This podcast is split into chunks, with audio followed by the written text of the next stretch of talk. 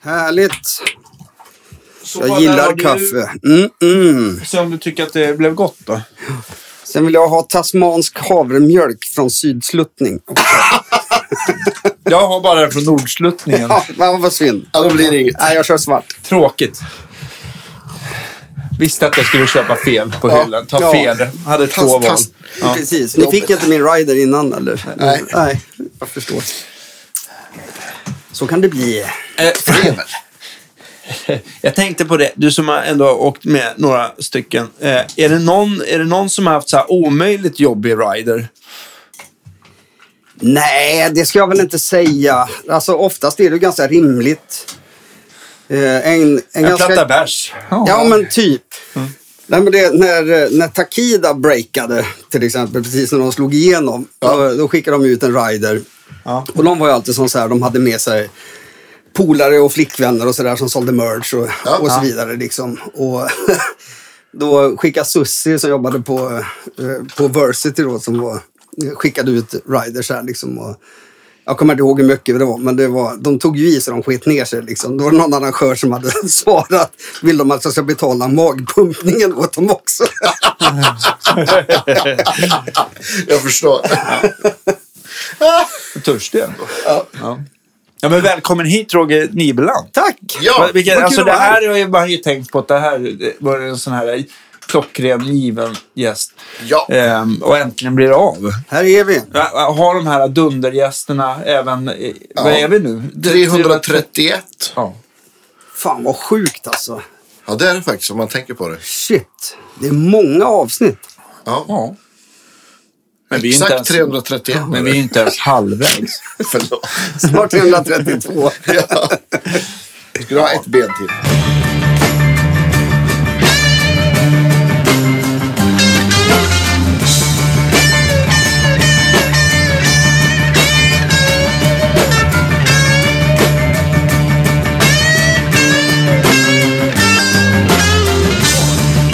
Lite déjà vu. Ja, Kaffet är precis. upphällt. Eh, Vi är redo efter Jajamän. lite datahaveri.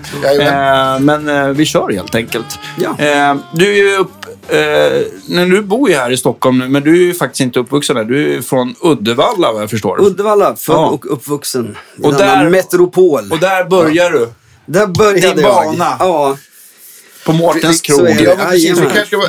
Roger är ju, är ju en av Sveriges mest anlitade backliners och gitarrtekniker. Ja. Vi kanske ska börja där för folk som inte vet vem du är. Snart vet alla allt. Ja, precis. Eh, du har ju hunnit med en, en och annan artist och vi ska ta det lite så här, eh, vad säger man? Eh, Kronologiskt eller... kronologisk ordning. Eller vi kan ja. ju ta det lite hipp som happ också. Hipp som haps. Det, Eller kommer, vi, pö. brukar, ju- Eller P om P. vi brukar ju spåra ur. Ja, det brukar ha en tendens att kunna göra det. Men, men vad jag förstår då, som, så kom du in på den här banan i tidigt 90-tal. Du Ja, träffade, ja, du träffade en damorkester som inte var en damorkester. nej. Och eh, Halva Kurtans damorkester var Ja. typ som eh, skulle spelat på en krog i Uddevalla. Det Mm. var felannonserat. Eh, de fick sina pengar. Gick upp till mitt stamhak, Mort- Mortens krog. Eller Mortens som det heter här uppe. Ja. Man heter Mörtens där nere. Ja. Eh, man älskar den där dialekten. Ja, Nej, det gör man inte. Sluta köta nu. Fan inte rolig längre. Eh, nej, men då så... Jag blir glad. Ja. Ja, vad bra. Då gläder jag dig. Eh, nej, men så kom de upp dit. Det var Clara Kempf, eh, Barbro Lindqvist, Mm. Helena Östblomberg, Sara Edvardsson och Elisabeth Engdahl som hade ett coverband då. Alltså. Och de Just det, hade, liksom blivit en fortsättning på... Ja, eller det, på damorkester damorkestern som- fanns fortfarande, Ja, men extremt sporadiskt. Ja, just det. Eh, Okej. Liksom, det, Beroende på Kurts eh, humör, tänkte jag Ja, säga. men lite så. Det, och det, alltså det, allting har ju sin tid. Ja, liksom. ja, Kurtan precis. och damorkestern hade gjort sitt. Liksom, i, men de eh, lirade i alla fall på Mortens, fick köra ett set för de var ledsna för att de inte kunde lira på GG då, som var en annan krog i Uddevalla. Där de hade annonserat med damorkestern, men de ville liksom inte gå upp fem tjejer när det var annonserat ett storband. Liksom. Ja. Så då gjorde de det och de var så jävla bra så de eh, fick komma tillbaks om och om igen. Eh, Och det var ju verkligen svinbra. Jag körde mycket en gamla soul-låtar Ja. och sådär. Liksom.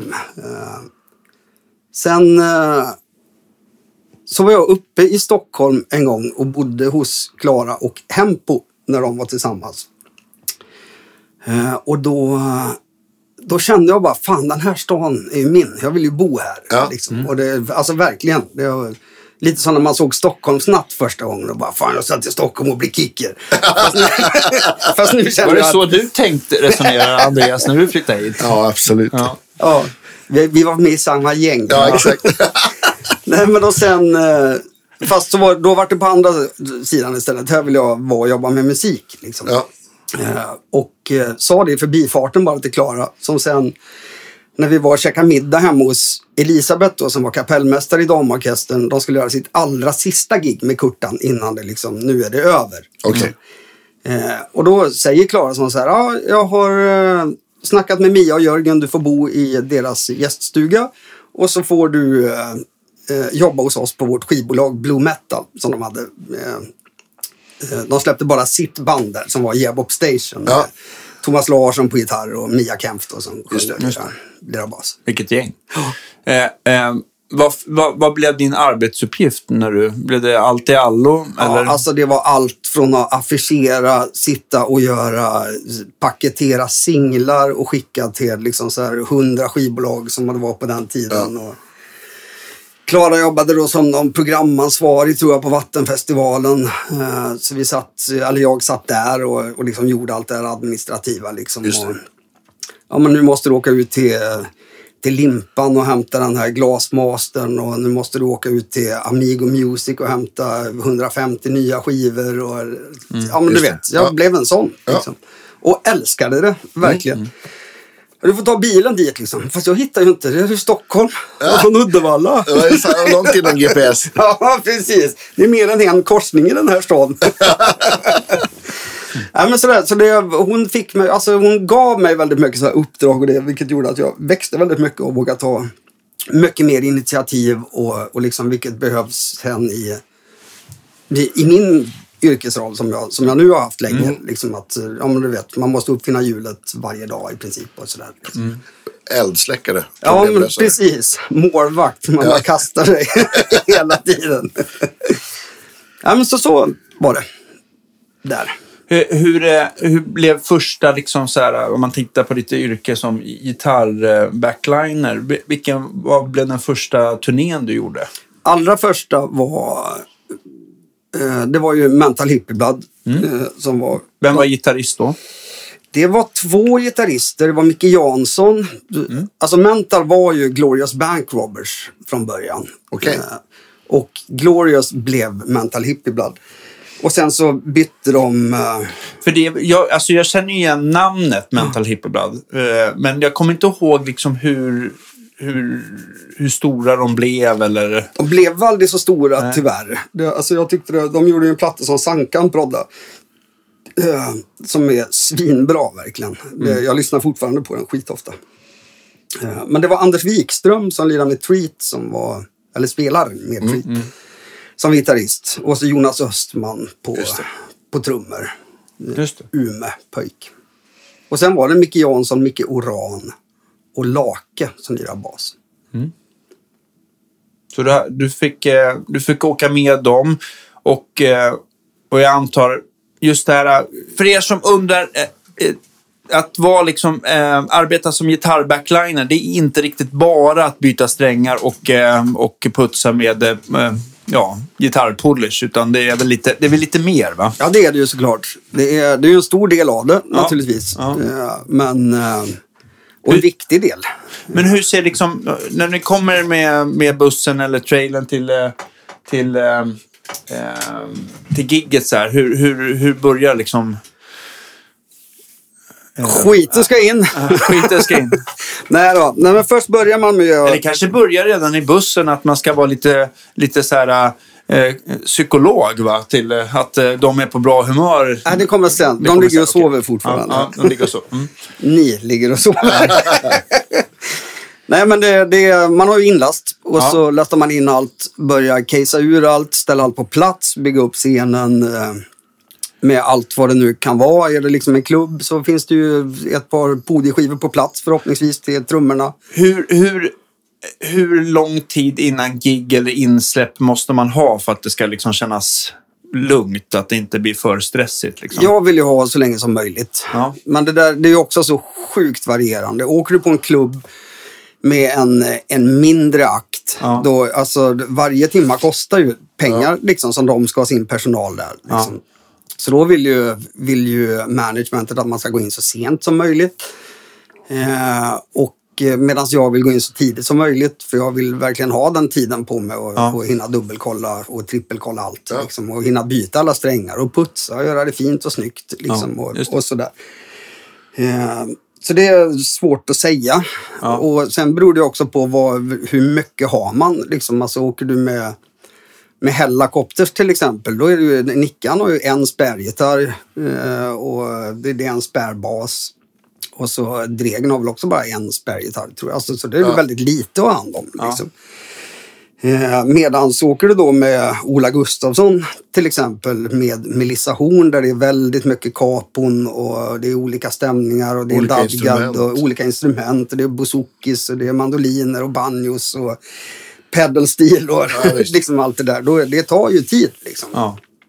Så då måste man ju också planera lite och, och liksom eh, portionera ut strängbyten. För alltså vissa turnéer så kan ju jag ha liksom 20 gitarrer att ha hand om. Liksom. Och det, jag kan ju inte stå en dag och byta strängar på 20 gitarrer och, Nej, det och hinna med det vettigt. Liksom. Nej, så får man liksom ta så man kanske byter på 3-4 en dag och så får de gå tre gig samtidigt som man byter då på nästa 3-4 och så får det liksom rulla på sådär. Så är det någon gitarr som bara, men den här har jag bara på en låt eller på ett intro och det. Då behöver du aldrig byta på den mer än Nej. på proddrep. Liksom. Så, det, så man får planera det där lite. Men sen är det lite så här, jag, jag kan tänka mig, jag kan också anmäla mig fri, frivilligt till en av de här gitarristerna som har ganska mycket handsvett och dödar strängar. Så att man liksom, de låter, ja men ett, efter, om det inte är coatat så, efter ett gig så är det liksom, det, det är Ja. dött liksom. Ja, men precis. Eh, Så att jag antar att vissa gitarrister, då, där, där har man inget val än att hinna med. Nej, och så Ja. är det ju. Alltså som eh, till exempel med, med just eh, när vi åkte med Winnerbäck och med Ola och... Nej, det var Melissa Horn var det. Mm. Då var det ju, alltså det var ju så, jag, tror, jag var ensam på backline och jag tror vi räknade ut att vi hade så här...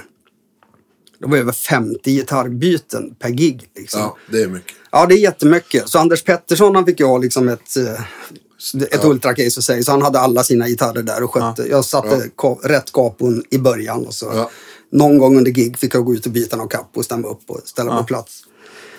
Men som Ola då med Melissa, han bara, nej men jag vill inte ha nya strängar liksom. Jag bara, "Ah, fast går det någon nu, då det, jag hinner inte liksom. Eh, nej men jag vill inte ha nya, så då fick jag så här, förlåt Ola, men jag, jag smygbytte ibland. så han inte skulle märka något. Fan, har du bytt strängar idag? Nej, nej, det är de gamla. men då, alltså, det var ju liksom av ren säkerhets... För Melissa hade ny gitarr varje låt, liksom, för det är nya kappor. Det var liksom ofta så här, det var kappor liksom uppe på nionde band och sådär. Liksom. Det tar ett tag att få det att sätta sig. Ja, det sätter man ju inte bara dit och börjar spela. Nej, men precis.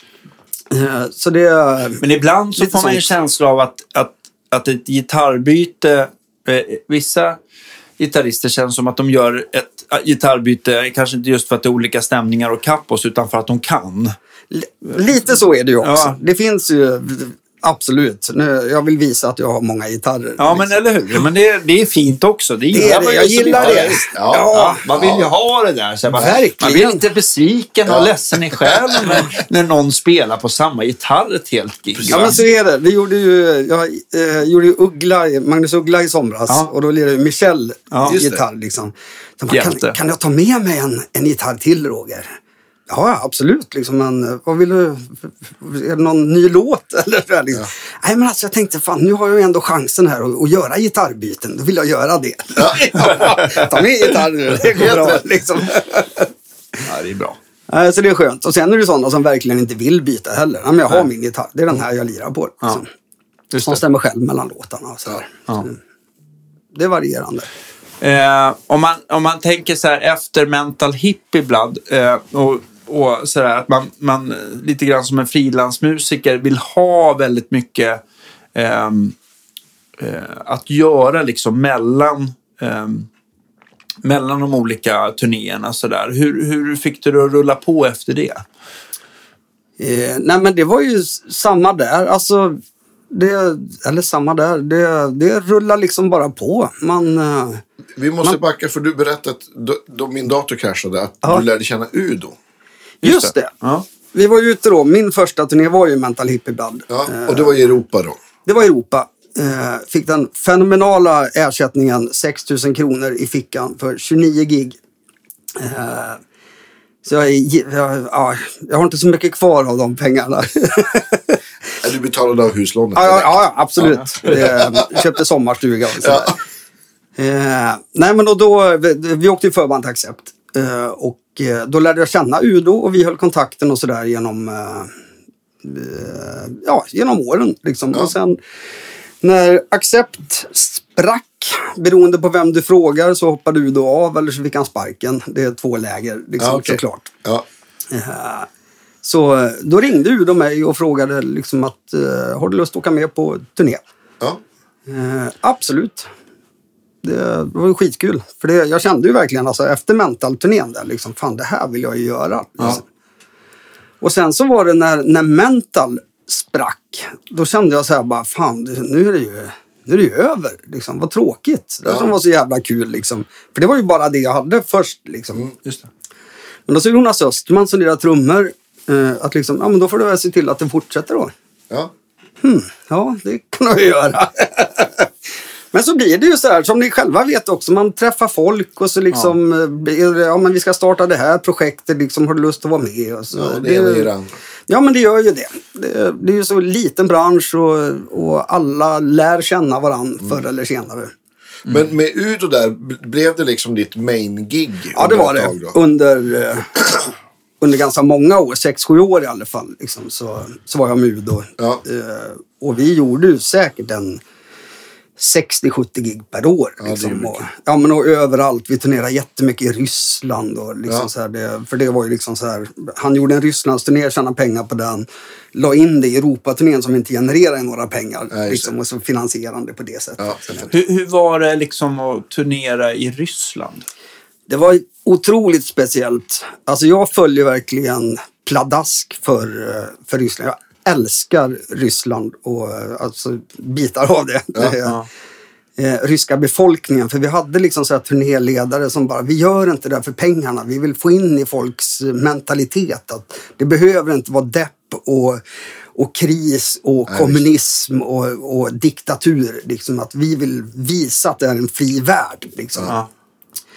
Eh, och jag small ju av på det där totalt. Liksom gamla Ja, punkan. men om, det här var liksom mitten 90-ish eller slutet Ja, 90. det var nog, ja. Så det var ju liksom inte så länge efter att muren hade fallit. Så jag kan tänka mig att det var bitvis ganska deppigt fortfarande. Det var ju det. Och alltså första gångerna vi var där, då fick ju inte ens vi crewet gå ut utan livvakter till exempel. För de kidnappar ju turister för att få mat. Liksom. shit alltså. Vi åkte förbi ställen, du vet, så här, det djupaste jävla Sibirien där de liksom, där ryssarna själva säger bara shit, alltså de fiskar där. Det var så extremt förorenade floder, men det fanns ingen mat. Nej. Folk lämnade liksom hela byar för det var sån depression där. Ja. För det, det fanns ingen mat, så hela byar bara bör- började vandra. Liksom. Ja. Det var, var sjukt att få. alltså. Ja. Ja. Det var, åh, jag får gåshud när jag tänker på det. Det var så jävla starkt att liksom få höra det och få höra deras upplevelser om det. Liksom och, att, eh, du, vet så här, när vi sitter här och säger ja men kommunismen det är en bra grundtanke liksom. Fuck you. Ja, men det, det, det finns det är ingenting fint som är bra med det. Ja, precis. Men det var så här som Bård i Klåfinger, han eh, sa till Piotr som var turnéledaren så här, för det, alltså vi kallar oss ju, oss ju kommunister liksom så här i Sverige när Ja. man går med Palestinasjal och, Ja, och så här, Ja. är 16 bast liksom. Ja. Och, och röstar vänster. Liksom. Då, då är man kommunist. Mm. Så, här. så Bård sa liksom, well you know actually I'm, I'm really a communist. Och så turnéledaren bara, why? Is your favorite color red? Var det ryssen som sa Ja. Kom, kom inte och snacka kommunism med mig. Jävligt skönt. Ja, men det var en fantastisk tid alltså. Jag föll pladask för det där brinnet. Liksom. Men, men är, vad är det... För att jag har ju hört lite grann så här att, eh, du vet, vissa länder när man kommer så är liksom, nu hade ni säkert åkt med egen backline, men att det liksom PA på plats kunde vara katastrof. Ja, vi åkte Eh, med- Mat, Maten var liksom sisådär. Eh, ja, Maten var ju sådär. Och de- konstiga spelställen. Ja, alltså det, det var ju ändå, vi, det var ju arenaturné vi gjorde liksom. Så vi hade ju egen produktion. Och herregud, det här skulle kunna bli så jävla långt. Ja, ja, men vi, vi tar lite kör roliga, någon rolig anekdot bara. Ja, så, vi, eh, vi har ju kaffe. Ja. ja, vi har ju kaffe. Eh, nej, men det, det är... Jag vet inte ens var jag ska börja. Det var, det var så sjuka grejer. Vi, eh, Berätta något sjukt. ja, vi skulle till exempel så skulle vi... eh, Eh, vi hade ju egen produktion som vi åkte med. Eh, Och det här var med Udo va? Det här var Mudo. Ja. Eh, och, eh, alltså ljud och ljus hade vi med oss. Men det åkte med tåg. Så de lastade av allt, alltså ut från arenan till tågstationen. Skickade på det och så tog det tåget och åkte till nästa gig. Eh, och så hade de någon annan rigg också så de åkte så lite omlott Ja, med varandra. Liksom. Så godståg. Typ. Ja, precis. Och när vi kliver på och ska göra vår första resa ifrån gig nummer ett som var, vart fan det nu var, jag kommer inte ihåg. Eh, och eh, vi ska göra vår första flygresa med Magnitogorsk Airlines inrikes. Ja. 97-ish. Liksom, ja. Spännande. Stefan Kaufman som lirar, eh, lirar, då lirade gitarr med Udo. Han spelade ju trummor med Accept liksom, på hela storhetstiden. Ja. Eh, och var där gitarrlärare åt Wolf Hoffman också som var gitarrist i Accept. Ja. Så, eh, men han är extremt flygrädd. Liksom. Så, eh, även fast han, han är pilot själv. Men han är ett sånt extremt kontrollfreak. Liksom. Eh, så han bara... eh, Du vet när man kliver på det här planet och man liksom halkar till så här på golvet. Då har de så här lagt ut lite stuvbitar av matta för att dölja så här slitagehål som var i mattan på flygplanet. Eh, sätter sig ner, du vet, så här, och så där, finns inga säkerhetsbälten. Du vet, det var så här, typ kycklingar där bak. liksom hela det där kittet. De pratade telefon och rökte Ja, samtidigt. ja, herregud.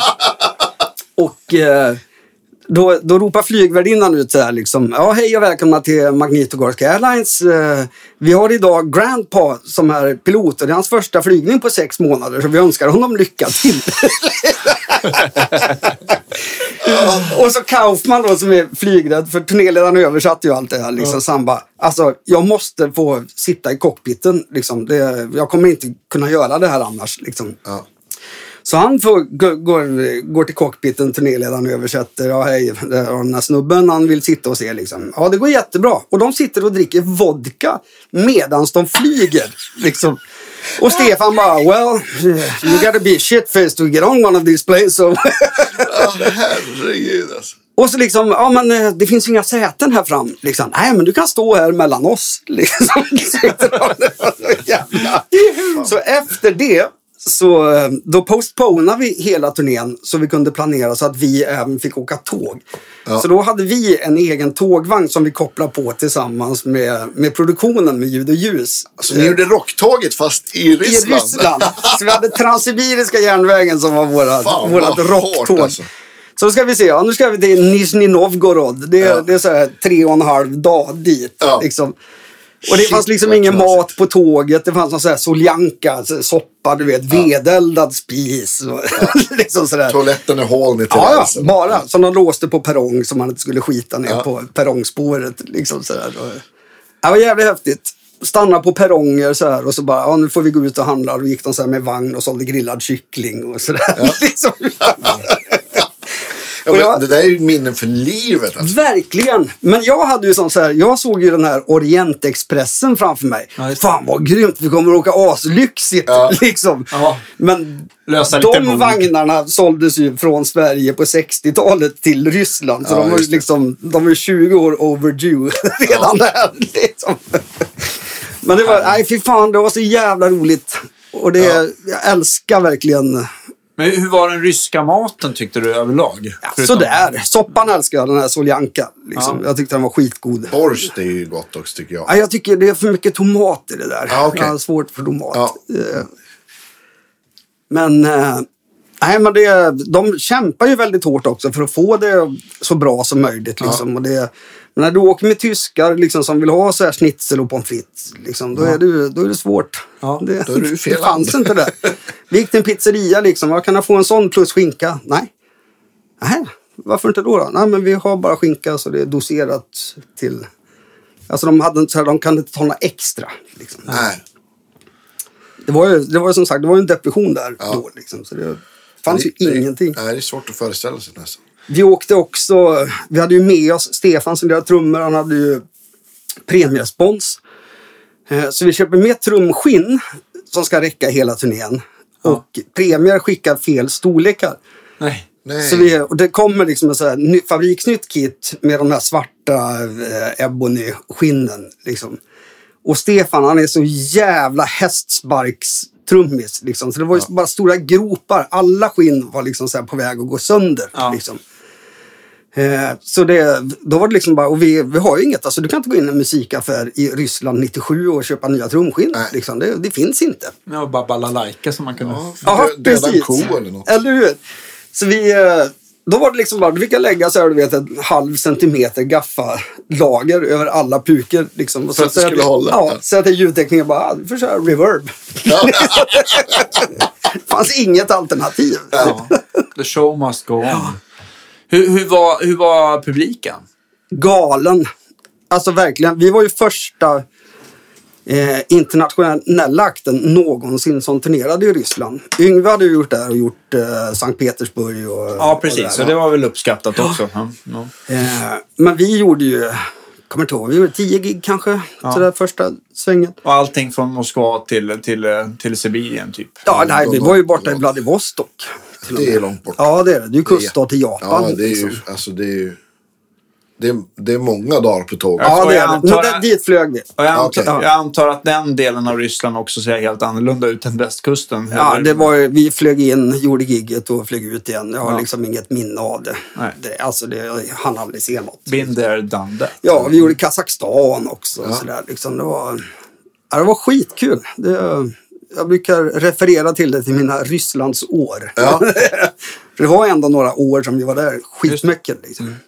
Men jag tänker så här, då, då om du så här, i dagsläget gör flyggig, som jag tänker mig att du gör ibland, då det liksom inte går en, en eh, trailer, en lastbil eller en van, där du kan rulla in din fina station som du Mm. har med dig giss, gissningsvis jämt. Eh, vad har du med dig då? Har du något så här litet så här, ta med-kit? som- Ja, det har jag. Jag har ju kvar eh, tech, alltså en sån här ultracase eh, Ja. attachéväska. Just Typ, som man vecklar ut som en arbetsbänk med lite fack och sådär för, för verktyg som man alltid behöver. Några insektsnycklar, några stjärnmejslar och, och sådär. Liksom. En strängvev. en strängvev. Ja, Lite tänger och sånt kan jag tänka Ja. mig. Ja. Så, det, så man klarar Men, baskittet. men det, det liksom. checkar du in. Ja, det checkar jag. Ja. Mm. Det.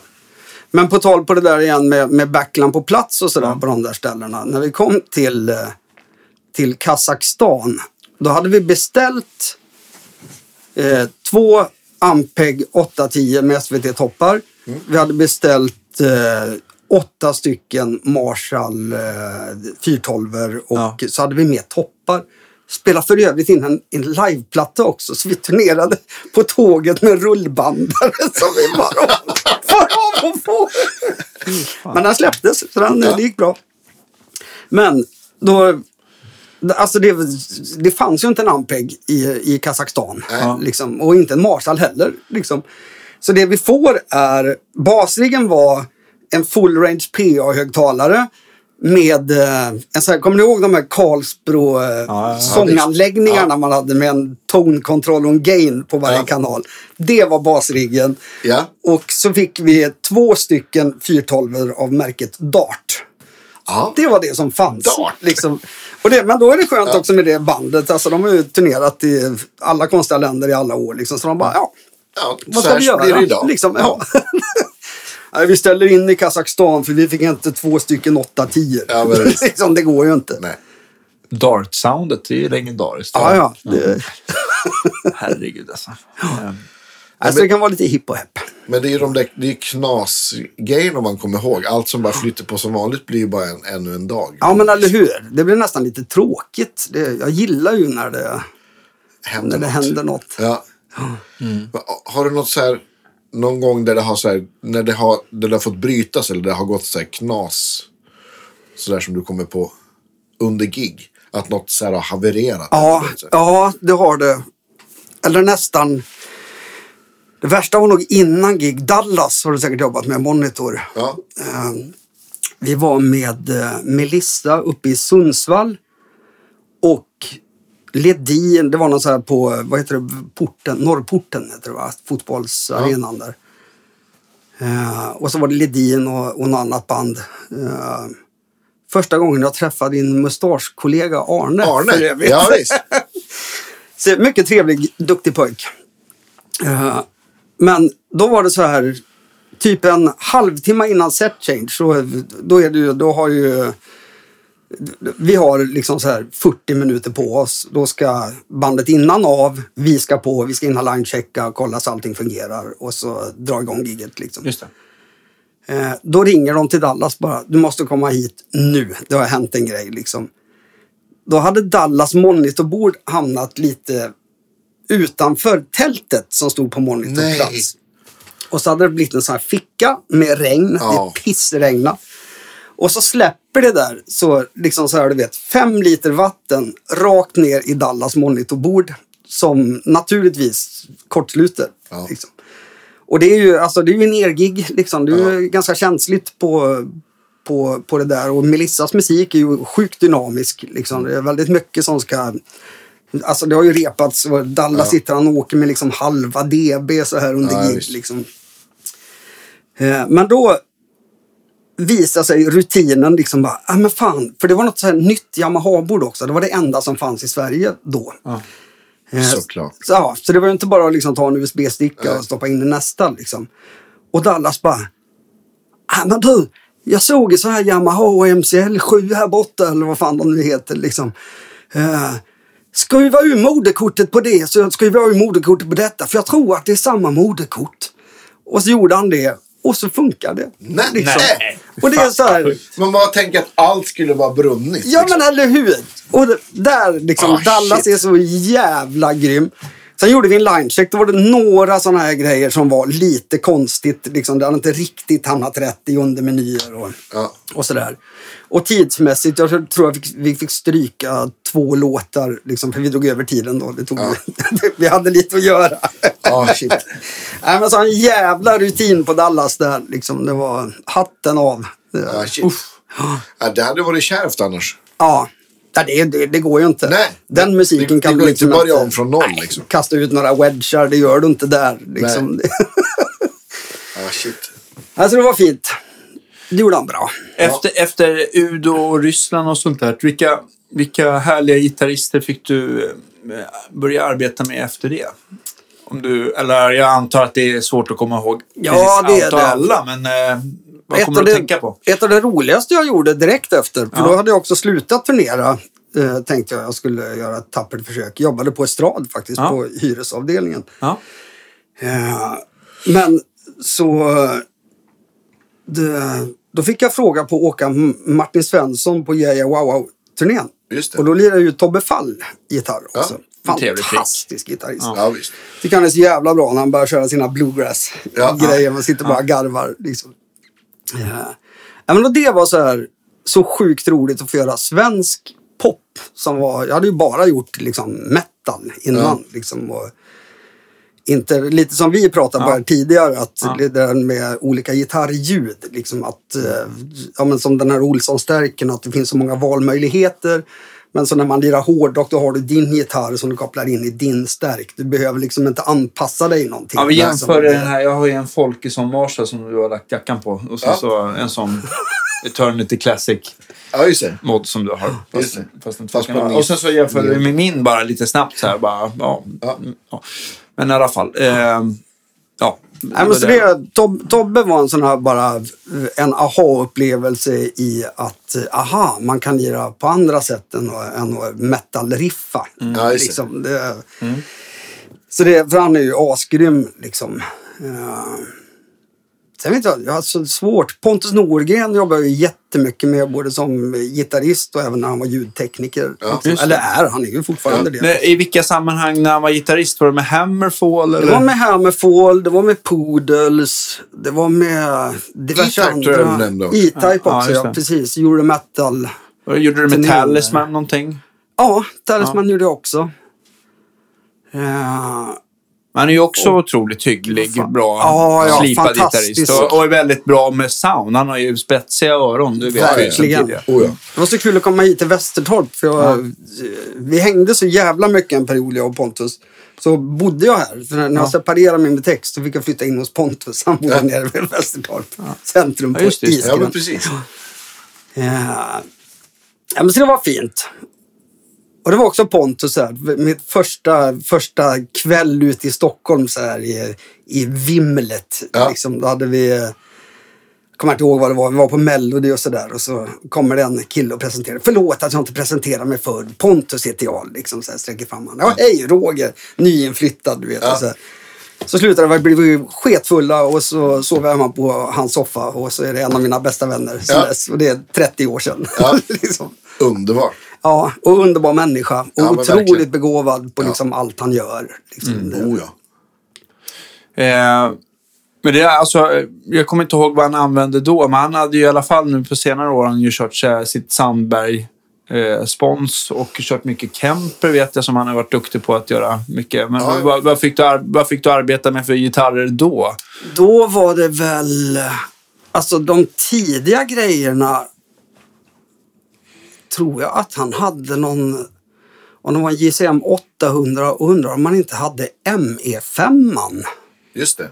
Kommer du ihåg den? Boss, ja, visst. Ja, Den är, precis. för det, det, var så här, det var bra effekter i den har jag för mig. Men det är ju, äh, ko, äh, kompressor, EQ och drive är ju analogt och effekterna är... Ah, Det enda som är dåligt med den är att den brusar massa. Ja, Men spelar man med precis. massa dist ändå så spelar det ingen roll. Nej, har alltid precis. på. Så.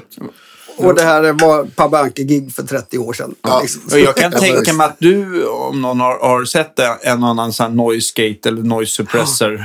Har, har, du, har du korat någon favorit? Den här är ändå bäst. Nej, det har jag inte. Men eh, jag har korat inställningarna på två.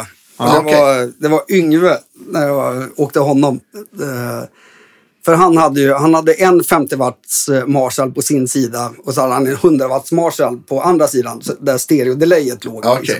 Hur, hur kommer det sig att han valde att liksom ha 50 på sin sida? Var det att han ville liksom se till att, eh, att basisten och, och keyboardisten verkligen hörde vad han gjorde? Ja, förmodligen. Nej, men alltså vad fan, du kan inte ha en 100 wattare där du står och står där och spelar på, på den nivån, alltså volymen som han spelar på. Liksom. Det, det går ju inte. Så då, och så hade han bara den till just eh, stereoeffekterna. Just liksom. det. Ja, okej. Eh, Men då hade han två NS2 som eh, stod på fullt. För det- Okej. Ja, ja. För han hade ju sina toppar som också stod på fullt. Liksom. Och det, dodden. ja. Och det bruset som är, alltså det är, ju- det är ju 100 dB brus bara som kommer ut. Liksom. Det, alltså, är Niagarafallet liksom. Det är verkligen det. Svenska Vattenfall. Ja, exakt. Ja. Eh, men om man, om, man, om man tittar så här på Yngves... Eh, jag vet inte, det var säkert annorlunda i studion, men jag tänkte på när du åkte med Yngve, eh, hur, hur länge gjorde du det? Det var ett år ungefär. Det var den här Attack-turnén. Okej. Mm. Vilket år var det? Typ? Åh, Jag måste ju- 2002, 3, Ja. 4 där någonstans. Du gjorde ju Pontus ljud också. Just det. Var det inte så du hakade, halkade in på, alltså via Pontus? Ja. Han var väl ljudtekniker och Han var ljudtekniker och eh, han frågade mig några gånger innan och jag bara, nej men alltså jag vill inte utsätta mig för Yngve. liksom, man har hört alla rykten. Ja. Liksom sådär. Så jag bara, nej men det, jag hoppar över det, tack ändå. Liksom. Mm. Ja, Men sen så, vi har ju ett eh, Ozzy Tribute-band ihop, jag och Pontus. Okej. Och Jocke Svalberg Ja. lirar keyboard också. Ja. Eh, Och så Sebba Sippola lirar trummor. Och så Basse Blyberg lirar bas. Ja. Men, vem, vem eh, får äran att sjunga då? Det är jag. Det- Alltså, du Jajamän. fixar det där? Det är ju coolt att man... Att, Ja. eh, man Ja. låter... Så det är svårt när man så ska äh, sälja in oss i bandet. Liksom. Ja, men det är skitkända musiker. Och, det är Och alla, och och alla djur du måste Yngve bita och ihjäl. Opet och så är det jag. Nej, men så det... Så då, och då lirar vi på Anchor och eh, så då Det kommer. Jocke... Ja. Kanske blir snart. Oh, Hålla du får säga Ja, till mig då. Då ska jag Ja. stå där Längst fram. och, vara extra glad och trevlig. alla ord på Warpigs. Ja, precis. Det är ju sabbat, kör vi inte. Nej, inget sabbat. Nej, nej. Ja, okej, bara oss. Bara okej. Ozzy. Ja, ja. Vi hade faktiskt ett sabbat, Vad, he, vad heter bandet? eh, Ozfest med Ä och Z. ja, såklart. Sen hade vi ett sabbat tributeband med Micke Höglund på bas. Kommer du ihåg som lirade med Thunder? Ja, okej, band, ja. Great King Rat också. Ja. Eh, eh, och då, då hette Sebba Sippola lirade trummor då också. Och då hette vi Musta Sabati. Black Sabbath på finska. Bra. Ja, jävligt mäktigt. Eh, nej men och, och Jocke kommer till Anker då när vi ska gigga där. Och så jävla glad för då har han fått Yngve-gigget. Liksom. det. Ja. Det, han är så jävla bra keyboardist. Ja, liksom. Det verkligen makalös. Eh, och eh, så då Pontus bara, men fan kom igen, ska inte du åka med också då Roger? Fan kom igen nu. Ja. Nej men, nej.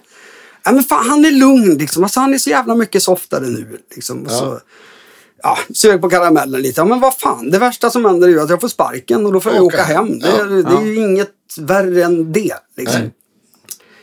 Eh, så gjorde jag det och hade extremt mycket förutfattade meningar eh, om Yngve och hur han är och, och intag och så vidare. Liksom. Och vart motbevisad på typ alla punkter.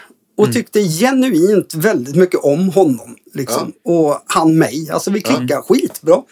Alltså han är ju som han är. Stor och stökig och störig och, och liksom sådär. Men, så här, Men kärnan är jävligt Men jag har fått, fin. jag har liksom. fått ändå en känsla av att Yngve är på ett sätt när man är lite själv med honom och ett annat sätt när det är lite mer folk Ja, omkring. Så är det ju. När När det lyser lamp. ja, när man är mer än två då blir han hundvalp som ska ha allas uppmärksamhet. Ah, okej. liksom, Mm, överallt hela tiden. Sådär. Men att sitta två och bara prata, då är det supersoft. Ja. Sen är han ju, han är ju, han är ju den han är och man kan ju inte prata om något annat än, än gitarr i princip. Liksom, det, han har liksom inget annat intresse. Man spelar inte sådär om man inte har Det är inte- dedikerat Nej. det på något vis. Nej, precis. Ja. Nej, jag kan tänka mig att det är mycket gitarr Ja. eh, som... som Men hur, hur var det så här, första gången du så här, satte upp hans grejer och så här, skulle göra lite line check? Var det så här, fan vad starkt han spelar? Eller? Nej, det var, fan vad illa det här låter. För det går ju liksom Jaha, inte, att det var ta så. ett, det går inte att ta ett ackord på en skaloperad hals om man inte är van vid det. ja, du menar att det blir surt liksom? ja, det blir surt som fan. För Ja, det, han alltså, körde väl ändå 08 till 46 va? Ja, det var, ja, han började på 08.46 och sen ökade han det så det vart om det var 54 till slut. Jaha, okej. Så det, ju längre turnén gick desto tjockare ville han ha. Liksom. Men, men fortfarande 08 eller? Ja, där han. Han berättade några gig så här när gitarrteknikern inte hade haft, fått med sig strängar eller de hade försvunnit på någon flight eller något. Ja. Han sätter på 010. Alltså, fan försökte bända vet du, fan på att börja grina direkt. du vet, de bändar, han är ju liksom såhär kvarts Ja, ja, ja. bändar liksom. Och så kör han det med 10 när han van med Ja, shit. liksom. Vad likt, Ja, det- vad, vad likt av Men, dig. men vad, kommer du ihåg, vad har han för settings? Så här på sin, på sin main stack? Liksom? Nej, jag kommer inte ihåg det. Alltså, om man bara tittar, om man bortser från det. Alltså, för att man vill ju tänka sig att Yngve, det är, han, han har sin gamla 50-battare som han, som han kör till den kokar i princip att det är slutstegsdist. Och sen så har han väl en Dodd Overdrive, Vavva. Va, vad har han mer i sin kedja sådär? Hur Sen hade han fick två, nu kommer jag inte ihåg vad de heter, men det var rackdelay, ett mono och ett stereo. Är det inte de korg som han Jo, körde? precis. SD Gråa, 3000 kanske. Ja. Alltså de är ju från 80-talet. Liksom. Lät skitdåligt. Alltså, ja, men generellt alltså, hans gitarrljud, liksom, du vet. Vi provade så här några gig och koppla in. För jag frågade varför kör du bara liksom på golvlådan liksom, och inte den övre? Liksom. Ja. Nej fan, det låter för jävligt för att du kan ta det där rakt i öronen. Liksom, Nej, men du spelar rakt in i öronen på oss som står framför dig. Ja. Liksom. Ja, det var, jag kommer ihåg de gånger man har sett att det, stod man långt fram, då fick man ju... Det var ju... Ja, du har ju inget det, annat. Ja, det, liksom. det mest permanentade håret blev ju rakt. Eller hur? Ja. Och sen var han ju så också då att han hade ju inga wedgar, eh, inga sidefills, ingenting. För han ville bara höra utljudet. Liksom. Han ville inte ha någonting annat. Kul att vara sångare i orkestern. Nej, precis. Han hade in er då, Dougie Ja, White som sjöng. Och Jocke då som lirar, lirar keyboard, han, eh, något soundcheck liksom, så stannade han bara. Fan är det här? Liksom, fan, jag hör en massa där bortifrån liksom. Var det Jocke? Liksom så här, ja fast jag måste ju ha i, i monitorn. Nej, nej, får sänka det här vet du. Följ mig. Kompromisslöst. Ja. Så det är liksom på scenen är det gitarr. Bas Ja, ja. kanske. Trummor akustiskt såklart. Hade ju, vi var i Eskilstuna då, eh, och Skuggan var supplier då på PA. Och hade byggt upp liksom så här trumpodie. Och då fick man så här, upp med trummorna precis. En basrigg, en Marshall-stack för, för delayet. Och Ja. sen två Marshall-stackar eh, på Yngves sida liksom. Ja. Kommer till bara, fan är det här? Bara, bara två Marshall-stackar liksom. Alltså det var så jävla trångt liksom som med trumpodiet här liksom. Åh, står mellan Marshall-stack eh, till och trumpodiet, då ryker trumpodiet direkt. Fick vi riva trummorna, ta bort trumpodiet, in med en Marshall-stack till och sen knö in trumsetet. Ja, man måste ju prioritera. det är ändå men- fint på men- något sätt. absolut. Men det som var ikopplat, det var egentligen att han körde en 50 watts topp genom en 412 Ja. på sin sida. Ja. Och sen som det var stereo, alltså den här Boss DD3 när det skulle studsa, Ja. då körde han på, då var det en 100 100 watt, wattare med en 412 också. Som var ikopplad. Och sen hade han ju också någon sån här, vad fan hette den burken? Hans analog delay när han Ja, just det. Den här ska oscillera så att, så att alla fick eh, tinnitus som... som Precis. Och så drar han, drar han av alla strängar. ja. Just det, är Ja, Utom, si- ja, precis. Utan sista. Och så är det fullt med rök. Liksom så här. Och så gör han en sista så här bara. Står han och posar så här så går han ner på knä. Och så kör han en gång bak med gitarren för att visa då att nu kommer jag kasta den. Så kör han en till och då kastar han gitarren. Ja. Och då ska jag gå in och ta den. Ja. Och det var så jävla mycket rök så jag ser ju liksom Ja. ingenting. så jag ser du vet en sån här bit ifrån ansiktet ser jag gitarren. Får precis upp du vet. Drar ner gitarren så här och då kommer ju shorebelt-packet med axelremmen och bara smack rakt i pannan. Ja, Hur, hur många gitarrer hade han med sig? jag tror han hade fyra scengitarrer och en låsgitarr. Ja. Och så sa... Jag kommer ihåg att han hade ju sönder lite gitarrer. Eh, att han tog någon billigare Squire och sånt där. Eller, som han Nej, ingenting då. På. Nej, inte då. Nej. Nej. Nej, fan alltså det här var ju, det här var ju heller inte hans prime. Liksom. Jag tror inte Nej. han skulle ha pengar och slå sönder Nej. Squire heller. Liksom. Nej. Men, han, men eh, fyra gitarrer, alla strängade på exakt samma sätt. Mm. Och, eh, och eh, ja, Yngve, Yngve-vita Ja. storskallade Ja. stratter helt enkelt. Med skallopering. Precis så. Och någon var reversed headstock på tror jag också. Ja, just det. De var ju numrerade 1 till 4. Liksom. Okej. Och då var det, om kommer inte ihåg någon, det var ettan eller tvåan som var hans 71 eh, som var den han var tvungen att ha på alla, alla svåra låtar där han spelar fort. Som han sa. Liksom. Ja, för den var, den var bäst att spela på. Ja, precis. Och jag bara som så här, vilka låtar spelar du inte fort på? Och Yngve säger att det går fort. Då, Ja, då, det är precis. de snabba låtarna. Eh, Men, men om man tittar så här, hur känslig var han med så här setup och stränghöjd och sånt där? För jag har fått för mig när man pratar med Rot att det är inte så himla slick Nej. stränghöjd. Nej. Det är- Det utan det, han har ganska, ganska hög action. Liksom. Det, är- han gillar ju att gröpa. Ja. Liksom. Det, och det är... Han kom ofta själv så här liksom bara, har du en insexa liksom, så sänkte han klacken lite på eh, G-strängen om den hade krypit upp. Liksom. Eller, alltså, Ja. han var ofta själv liksom ute så här och han lärde mig jättemycket om strater. Liksom, och så här, fan här. Ja. Testa det här alltså, det är skitbra trick alltså. Ja. Eh, och var ofta i racket själv liksom. Och liksom om det var någonting som man ville kolla. Så var han själv bak och kröp liksom. Sen öppnade ju lite så här. Ja fan, jag ledde på en ny micker. Och det var ju liksom som att hitta en sån här nutty professor koppling någonstans. Det var så jävla mycket kabel och tjocka lödningar. Liksom. Ja, han snålar inte på lödtänder. Nej, nej, nej. det är tvärtom. Han hade nog spons på lödtänd tror jag. Han skulle döma av portarna.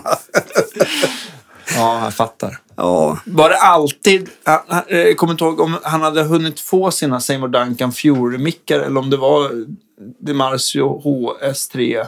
jag tror det var OS4. Demarcio-mickarna. Ja, det tror jag. Ja, Just det. jag tror de kom ganska många år senare, hans egna. Just det. Ja. Men där, om, alltså, var det alltid de som man bytte mellan? Om, men om man slängde i något annat, vad valde han då för någonting? Det vet jag inte. Nej. Det är, alltså, han hade ju med fyra gitarrer och vi, Ja.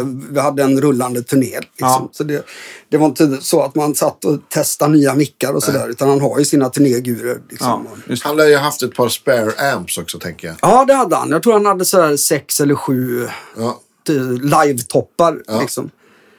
Eh, och så några dummies då, såklart. Ja. Eh, och det var rätt bra märkte jag, för ett par av dem brann ju liksom under, under turnén. Liksom. Alltså det är ju gammal elektronik, liksom. stärkare går sönder. Det är ju inget konstigt.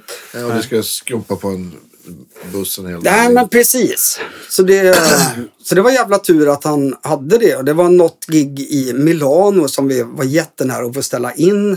För då hade han, han har ju 110 volts liksom. Och så Ja. har vi ju äh, trafos på riden. Ja. Och så var deras trafo sönder. Så den klippte strömmen flera gånger och eh, två toppar gick sönder den dagen. Liksom. Så jag bara, alltså, jag är ledsen men eh, nu får fan ställa in alltså. Det, Ja. Först så freakade jag ur som fan så jag stod och skrek på arrangören. Liksom, Vad fan är det här? Liksom, för man blir extremt frustrerad. Ja, Liksom. men och... Ja, jag är ledsen liksom, men, eh, men nu är den lagad. Liksom, så här. Och så kopplar vi in, börjar soundchecka igen. Liksom, så går den sönder en gång till. Liksom, Så jag bara... eh, Ja, det är den enda vi har. Liksom. Då tar du och ringer till varenda jävla hotell som finns i Milano och så frågar de om de har någon jävla trafo vi kan koppla med. Brann av totalt. Liksom. Ja. För det är ju också en sån där grej med Yngve att det finns ju vissa artister som man inte vill ska freaka ut på en. Nej, han, är, han är ju en av dem liksom. Eh, Han blev lite upprörd. fall. han kan bli väldigt upprörd. Ja. Eh, men blev aldrig det. Alltså det. Jag insåg ganska snart att det är bara, nu gör jag vad jag kan för att inte ge någon anledning till att bli förbannad. Liksom. Ja. Så det, det gick jättebra. Men eh, sen kom någon som så här, äh, nu har vi lagat trafon liksom. Ja men det sa ni ju för fan förut också. Liksom. Ja men nu har vi lagat den ordentligt. Va? Jaha, så ni Ja, lagade okej. den halvbra förut? Ja. Och, och, det- Och då höll det i alla fall. Ja, det gjorde det. Så vi gjorde giget. Men det, alltså, det var hårsmån från att ställa. För jag, jag sa det till... ja, men om till du bara brunnit upp tre toppar, då Ja. var ju... Ja, det, lagret tar slut. ja men såklart. Men blev du också duktig på liksom att eh, få stå och byta rör och sånt där då också? Eller? Nej, han hade liksom inga sådana inga såna issues alls. Nej, Det, Det bara då. funkar. Jag vet Erik eh, Stenemo brukar ju få göra det med Norum ibland. när Ja. han jag vet, det- bakpar. det Får kan- byta slutrör. Ja. Ja, men jag vet, det, låten. det kan vara så här preamp-rör mellan låtarna sådär. Ja, Ja. visst. Det är härligt. Ja, jag Ja. tycker det är asskönt. Ja. Det- Sen så tänkte jag bara för att runda av Yngve, det är väl att det var någon nylon också med va? Precis. Ja. Han hade någon vit ovation eh, Ja. på stativ. Liksom Ja, så fast eh, stativ. Så det, och det var den enda. Ja. Körde han på Sankt Augustin-strängar. Minns inte tjockleken. Okej. När, när han körde på elgitarr, vad hade han? För jag, han har ju kört både så här Dean Markley och, och Fenders egna strängar. Han och hade sånt där. Fenders Ja. egna. Han hade Ja, Bullets liksom. Ja, Super Bullets. Och det var ju något, jag kommer inte ihåg tjocklekarna nu, men det var ju exclusively made for Yngwie, står det på paketet. Ja. Så det såldes aldrig. De tryckte upp omslaget exclusively for Yngwie och gav Ja. till honom. Ja. Ja. Sparade ett sätt faktiskt. Ja, som kul. minne. Är Bullet, är det bra, bättre eller sämre än Kula? Nej. Jag märker ingen skillnad. Nej. Det är, det är lite så här som när, när, eh, eh, alltså när gitarrister har idéer om vissa saker. Åh, det här är bra. Ja.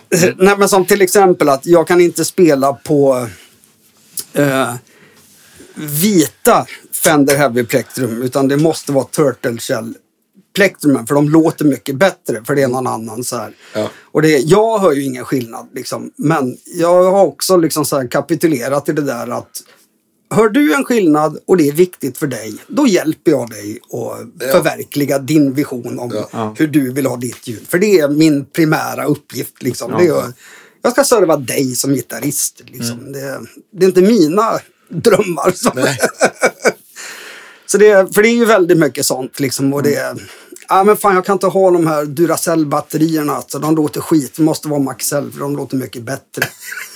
Ja, om Det du tycker alla. det så, så är det så. Men ve- Vem av alla gitarrister har varit, alltså, alltså jag, inte att det är tråkigast, det verkar ju som att det fortfarande är kul, men jag tänker att vilken, vad, vilken har, är det någon som har varit mer jobb eller känsligare med sådär? Ja, absolut. Nicke Andersson, Ja. eh, som är vänsterhänt. Okej. Eh, och eh, eh, har, alltså han har ju också, jag tror han har, för det första så har han typ absolut gehör. Han är extremt kräsen på sitt ljud Ja. eh, och hur det kommer ut. Och med det här sagt så vill jag också säga att det är nästan ingen som jag hellre jobbar med. Jag Nej. älskar att jobba med Nicke. Det är Du, helt tackar underbart. alltid, du tackar alltid ja helt enkelt. Ja, det är absolut. Ja. Det är, jag tycker det är helt underbart. Men han har en sån extremt klar bild i sin det hjärna av, av vad han har. Är det inte riktigt där, då är det ett moment som stör. Liksom sådär. Och det, Men han hade ju inte i alla fall problemet med att han ville ha många gitarrer med sig. nej, Sådär. han hade ju någon Mossrite och sen hade han något så här, jag tror det var där, vi hade problem också någon turné med att det, det gick liksom inte riktigt att få det att stämma. Men då var det någon så här Team Guitars tror jag det hette. Någon eh, Mm. hemmasnickrad australiensare som skickade på Nick ett par gitarrer. Liksom. Och Ja, de det var väl Moss liksom- Right-kopior? Ja, precis. Ja, exakt. Så det, och de var inte så bra. Liksom. Det, men eh, det var nog enda grejen. Sen var det också, alltså jag har ju så sjukt svårt med kombination, eller koordinationen och ens stämma en gitarr när den hänger vänsterhänt. Så jag brukar ha den högerhänt hängandes upp och ner. Ja. Sådär. Och det funkar jättebra ett tag. Och sen bara, fan det stämmer liksom inte. Så då tog vi in min Peterson eh, på mitt hotellrum på en day off. Så satt vi så här ett par timmar Nick och jag. Liksom, jag stämde den upp och ner. Gav den till honom och eh, han kollade stämningen. Nej men nu är den för hög här och bla bla. Ja. Så då kom vi fram till att när jag stämmer den högerhänt. Eh, för att den ska stämma när han får den vänsterhänt. Så måste jag lägga E och H-strängen 5 cent under, G-strängen 2 cent under, D och A-strängen rakt och tjocka E-strängen 5 cent under. Då stämde den perfekt när han, Ja. när han skickade Men över det, den på men det vänster. där har ju faktiskt hänt. Jag hade en kund häromdagen som liksom bara, fasiken det är något fel på min gitarr. För det blir ju så här att den, bara att man lutar sig framåt med gitarren. Eller någonting så pitchar den om sig. Och så där är gitarr. Det Ja, går liksom inte att justera bort. Nej, det går inte att stämma gitarren i, i knät Nej. så här, och så sen börja spela. Det- Nej. Nej, och sen så märker jag så här, jag, man kan ju inte intonera, jag, man intonerar gitarren i spel, alltså i sin, där hur man spelar Ja, precis, på den. inte då man, man, man ner. låter inte halsen Nej, ligga ner på bordet. Det, blir, det går liksom inte. Det är, jag försöker så här och, och läsa gitarristerna, hur hårt de spelar och sådär. Och så försöker jag stämma gitarren Just det. efter det. Och jag tar aldrig så här att jag slår an en ton, låter den ringa ut i så här 10 sekunder innan jag stämmer. Utan Nej. jag stämmer i princip på anslag. visst. Ja. För det, det är ju så man spelar. Ja, men exakt. Liksom, det, Och när, tänker du någonting också när du intonerar? Försöker du alltid liksom... Eh, eh, om, om, det kanske inte alltid att man står liksom och, och intonerar gitarrer, det har man väl lite tid till. Men om du intonerar, brukar du försöka liksom vara spot on att det, att det låter, ska vara rent på tolfte band? Eller hur, eller hur tänker du där? jag brukar utgå ifrån det. Ja. Eh, och sen så är det vissa som man liksom får temperera på. Liksom. Göran Helmqvist lärde mig en gång att om du stämmer på E-ton på varje sträng liksom, Ja. så klingar gitarren mycket bättre. Ja. Och det gör den också. Men det kan också bli så här att det är svårt att göra det under gig och det är snabba Ja, byten och sådär. Och det är lite så här Buzz Feiten-tänk. har jag Ja, precis. Jag, jag gillar ju att stämma på kvinter och kvarter. Just det. Funkar för mig. Ja. Ja. Det gör jag alltid. Som Precis. igår jag satt och spelade in gitarren. Då, då stämmer jag så. Då kollar jag liksom Ja, men jag kollar E på... Jag brukar alltid stämma. G-strängen kanske en 3-4 cent lägre. Ja. Om man stämmer alla strängar spot on och så dippar man G-strängen lite, lite grann. Ja, för då brukar väl A och, och, eh, och ett eh, E-dur låta lite roligare Ja, också. men precis. För ett A-dur liksom är... Nej, det stämmer ju inte. Nej, det gör ju aldrig det. Liksom, eller ett F i barré. Exakt liksom. så. Ja, det, är de, det är de två första ackorden man lär sig. Det Precis. är därför man tar F så här, så mutar man tersen. Just Det det. Tashless. Nej, men, men grejen det där med, med, alltså, med stämma gitarr, det är ju en vetenskap. Jag förstår att du, liksom, du gör ju det hela tiden. Jag tänker att du måste också bli, ja men, som du säger, du läser av och ser hur folk spelar och deras gitarrer och vad de har för strängar. Så du måste ju vara lite så här, ja men, får göra lite olika för varje. Liksom. Så jag kan tänka mig också att efter en halv turné så lär de sig, ja just det, jag måste sätta kapot lite så på den här för annars Ja. blir det inte liksom. Så det är mycket sånt där, sån här kunskap som inte går att lära sig till. Det är som att spela ett instrument, det är liksom, man måste göra det jävligt mycket för att bli bra helt Så är enkelt. det. Du kan ha någon som visar dig hur du ska göra. Men, men för att det ska bli liksom perfekt på plats. Det är, det är, bara, det är som med precis allt annat. Vare sig det, jag brukar säga det till barnen.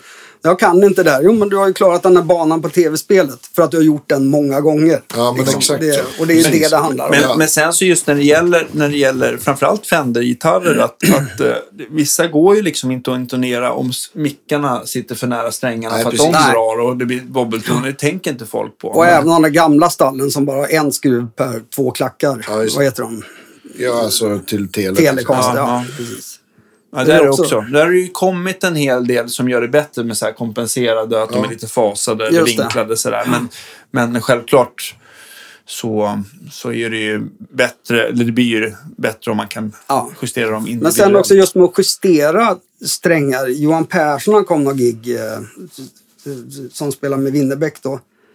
Eh, för då hade jag justerat upp hans gitarr. Liksom. Han bara, fan vad bra den har blivit. Liksom. Jag bara, ja, gjorde samma som vanligt. Liksom. Men då tror jag det som att han hade inte haft den gitarren på länge.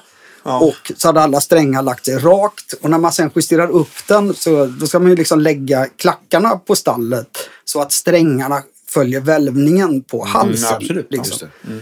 Eh, och om man inte har gjort det och, och det har liksom, han har kanske haft den gitarren och lirat på i andra sammanhang i sju år och vant sig vid det. Och helt plötsligt får man den där mjukheten att den följer hals. Ja, precis. Det blir också väldigt mycket sämre ton på typ Ja, men eller hur? Ja. Mm. det, allting påverkas ju. Ja. Liksom. Men kör du, är Peterson, är det din go-to? Ja, ja, jag har inte haft något annat på 25 år tror jag. Nej. Vilken, vilken har du då? Jag hade en sån här eh, gammal som man fick kalibrera med stämgaffel Ja, varje gig först. Men det vart ju bara buckligt att hålla Ja. på med. Mm. Eh, Så sen hade jag en R590. Ja, eh, racken, just ja, det. precis. Alltså med riktiga strobbhjul. Just det. Jag köpte någon sån här blå virtuell Ja. också, men jag gillade aldrig dem. Det, jag Nej. fick inte till det. Liksom. Nej. det. Jag vill se, se hjulen. Ja. För jag, jag, tycker, jag har i, i min telefon, jag tycker deras app är rätt bra. Ja, det finns absolut. ett Sweet Ja, den, ja, den gillar jag. Det är inget fel på den. som är, och, och den tycker jag är bra så här liksom. Ja, men till exempel till pedal steel har, finns ett par Sweet and tuning som jag, eller jag har hittat en som jag gillar. Ja. Men Jag, jag, jag, jag, I och med att jag spelar in mycket gitarr så jag skulle vilja säga att jag jobbar med att stämma gitarr de dagar jag spelar in gitarr. Till exempel, ja, men igår spelade jag in öppet D. Du, stämmer man öppet D mot en stämapparat, då låter det ju katastrof. Just det. Där får du liksom stämma, ja men G-strängen som då är ett fiss, den får du stämma typ 7 cent lägre. Och tjocka D-strängen får man inte ens stämma efter stämapparaten, den stämmer jag bara på örat. Precis. Och precis som du säger, man får stämma på anslaget. Mm. Man får liksom inte ta tonen och kolla för då ser det ut som att den är alldeles för låg. Men Ja. stämmer du den till D, då, då, är, då är den så hög så att då, då blir man kräksjuk varje gång man spelar på den. Men, men det där är ju också, jag tänker just på intonering, alltså intonera gitarrer. Det är ju så otroligt känsligt bara. Vad- Om du bara sätter fingret närmare bandet så blir det lite lägre i pitch. Ja, och trycker du- lite hårdare. Ja, Det- och, och, och flyttar du eh, fingret ifrån bandstaven där du trycker ner så ökar det pitch Mm. också.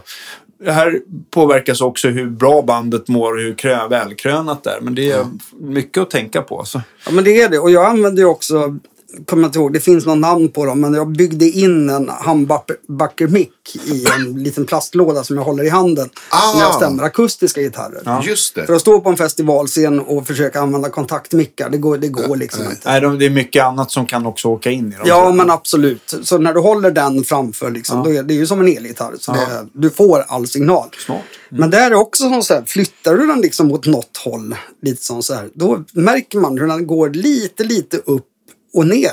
Så. Mm. Men då är det också, alltså, då är det också en fördel med att ha Peterson-stämman. För vad Mm. är det? De är ju liksom känsligheten på en tiotusendels cent. Ja. Liksom. Det, är, alltså, det är så extremt exakt. Och det har man ju också lärt sig. För mig har det varit väldigt viktigt att, liksom, att jag har min stärk. Fan, ska du flyga med den där stora stämman? Liksom. Ja. det ska jag. För det, Det är mitt Ja, instrument. Ja, det är ju det. Men mycket av de här eh, strobb eh, som jag gillar. Eh, jag har ju en sån på mitt pedalbord så jag är ju den, vad heter den, Strobo Stomp HD, den senaste. Ja, just den det. den är, tycker jag är jättetrevlig. Ja. Men jag har också använt den här Sonic Research, har ju en turbo-tuner som ja, man kan också vänja sig vid. Som är strobb. hatar den. Ja, Jag tycker Jag den med. är hemsk. men jag kan tycka... Jag, kan kan inte tycka förstå.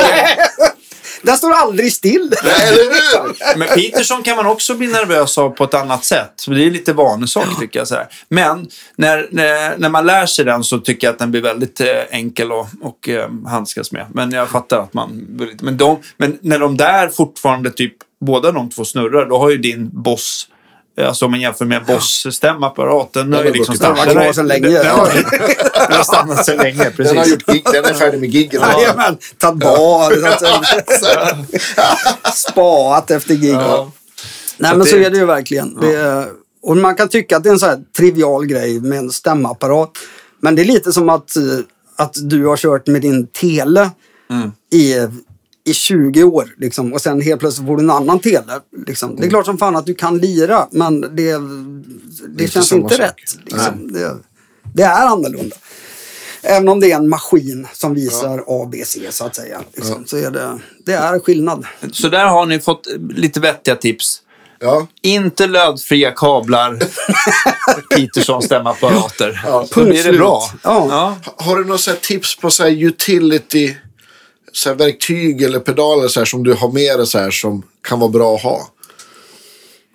Eh, ja, alltså verktyg eh, åker man med eh, eh, en akt som har mycket ackegurer till exempel.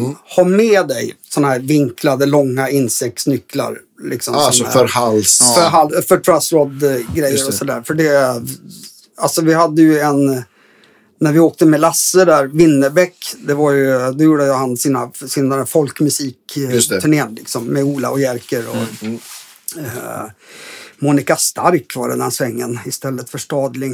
Eh, men alltså, jag tror vi gjorde så här 30 gig och det regnade 28 av dem. Oh. Och det, du vet, och det blåste, det var så här, de fick stänga Ölandsbron. Svensk sommar, och, helt enkelt. ja, ja, klassiskt. Men då var det som så här, att ha alla akustiska gitarrer och försöka liksom, hålla ordning på det där. Det var ju helt hopplöst. Ja, det verkligen. Det, var, det var en sån jävla kamp. David Sundberg som har byggt alla Lasses eh, fantastiska gitarrer, verkligen. Mm. Han kom ju till några gig, liksom, han fick hjälpa mig att liksom, eh, fila till eh, eh, Stall och Ja, absolut. För det, det där är också en kul grej som jag snöade in på ett tag. Att intonera eh, akustiska gitarrer. Mm. Tyckte det var skitkul. Man får stå och fila liksom, eh, stallet Ja, för att flytta Ja, just det. klacken Ja, just det. fram eller bak. Ja. Sådär, liksom. Okej. Och det, gör du fel så får du sätta på ett nytt stall och börja om. Ja. det, Ja, men det är ju det, för att man, man kan ju bara ta, man kan ju inte lägga till massa på Nej, stallet och till slut blir stränghöjden för låg. Va? Men det var jävligt kul. Det var Ja. skitroligt att liksom sitta och, och pilla med det. För det Ja. När, när det kommer till ackgitarrer och sånt där, har du fått, nu, nu är det kanske mer en fråga till någon som är så här front of house, men jag tycker du har väl ändå fått en uppfattning om vilka mickar som funkar live och inte. Har du någon, har du någon tips eller Jag tycker det- favorit där? Jag tycker det också är så olika.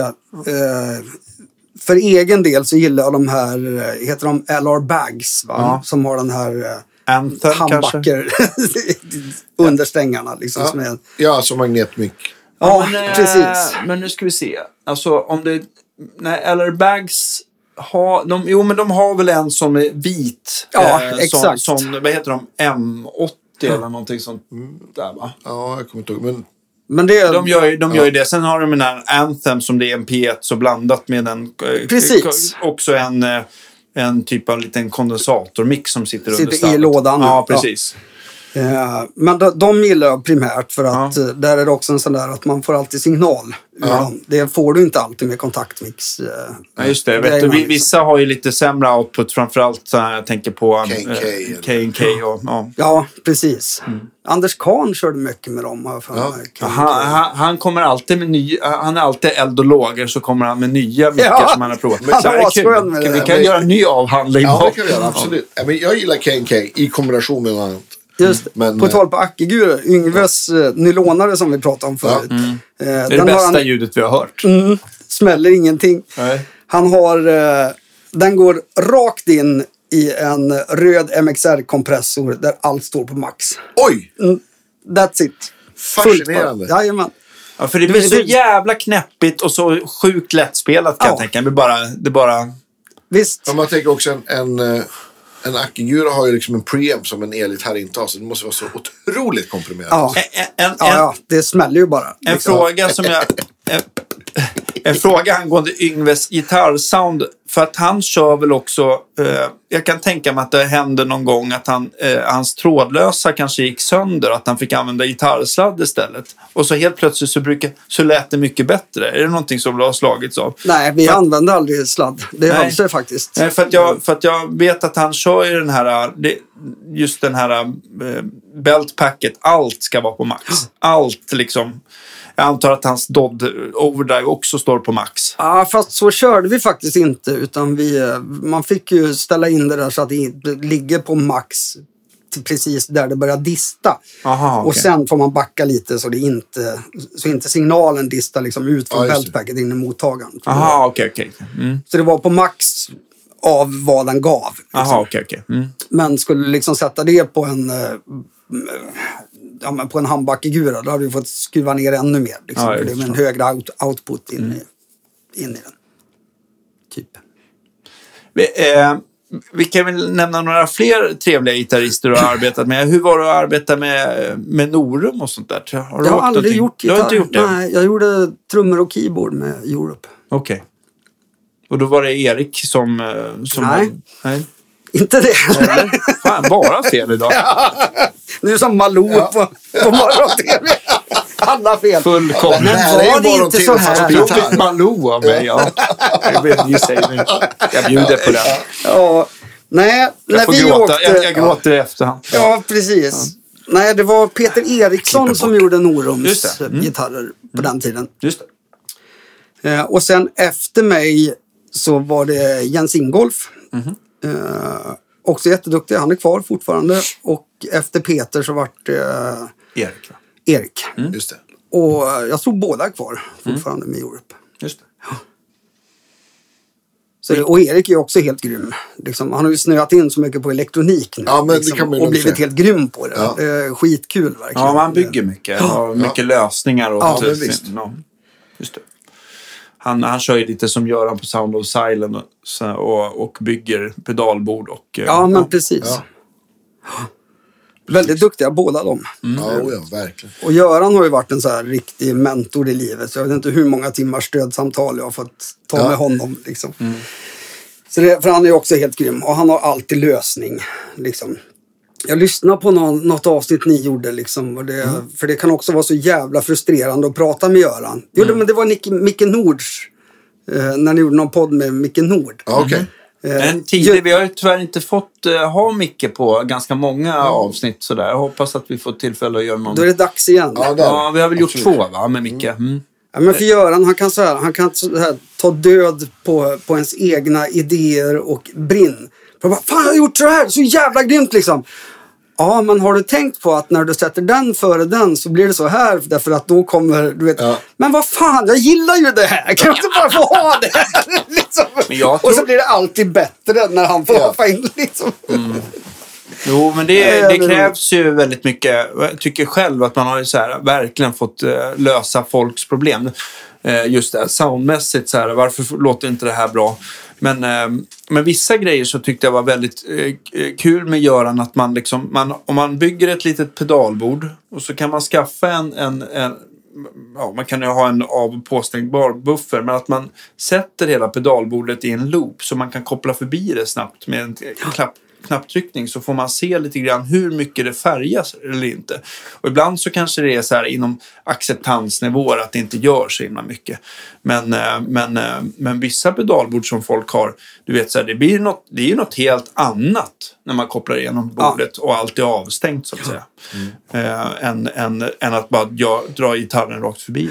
Eller, så det här gjorde jag faktiskt med, med Helicopters en period, mm. med Dala, för hans, ja. eh, alltså strängen. Ja. För hans grejer var ju, alltså det fanns ju ingenting som inte glappade. Och det kan komma nyservat, så fort de kom i hans sfär så började det glappa igen. liksom, han hade hade verkligen det där. Men då var det så smidigt, då la jag det i en loop. Mm. Uh, därför att när det sen började glappa, då kunde jag liksom bara slå till uh, och då går loopen. Det går det rakt i stärken så kan jag ta pedalbordet och ställa mig vid sidan av scenen ja. och, och liksom se vad det är jag kan göra åt det istället för att stå på knä framme på scenkant. Ja, liksom, vad var det som var vanligtvis eh, fel? Sådär? För att jag fattar att det är svårt att hitta det i skarpt läge sådär, ja. med, allt, med all, all hög volym och... Ja. Det, alltså det, med hans grejer så vet man liksom inte. Det, det var en gång som vi gjorde så här morgon-tv, TV4. Ni vet, det inlas klockan tre på, ja. på natten. Liksom, ja. och, och sådär. Och så eh, tror det var när de skulle släppa I'm in the band-singeln mm. precis. Ja, kul. Bra låt. Ja, verkligen. Mm. Får jag skryta lite nu? Ja, ja om, ni, om ni googlar upp det där omslaget till den singeln så är det ett foto på en gitarr där det är en tatuering som det står rock'n'roll över. Ja. Det är din oh, Fan vad coolt! Så yeah. de fotade av den, så det är min gadd som var omslaget. Ja, kul! Det har varit må många långa hånskrattat åt den tatueringen och så vart den skivavslag. Och, den där, och den där har ju åldrats med stil också. Ja, ja. Det finns inte en färggnutta kvar. Nej. Det finns här lite grönt. Jag kan berätta här att det är en, det är en strata.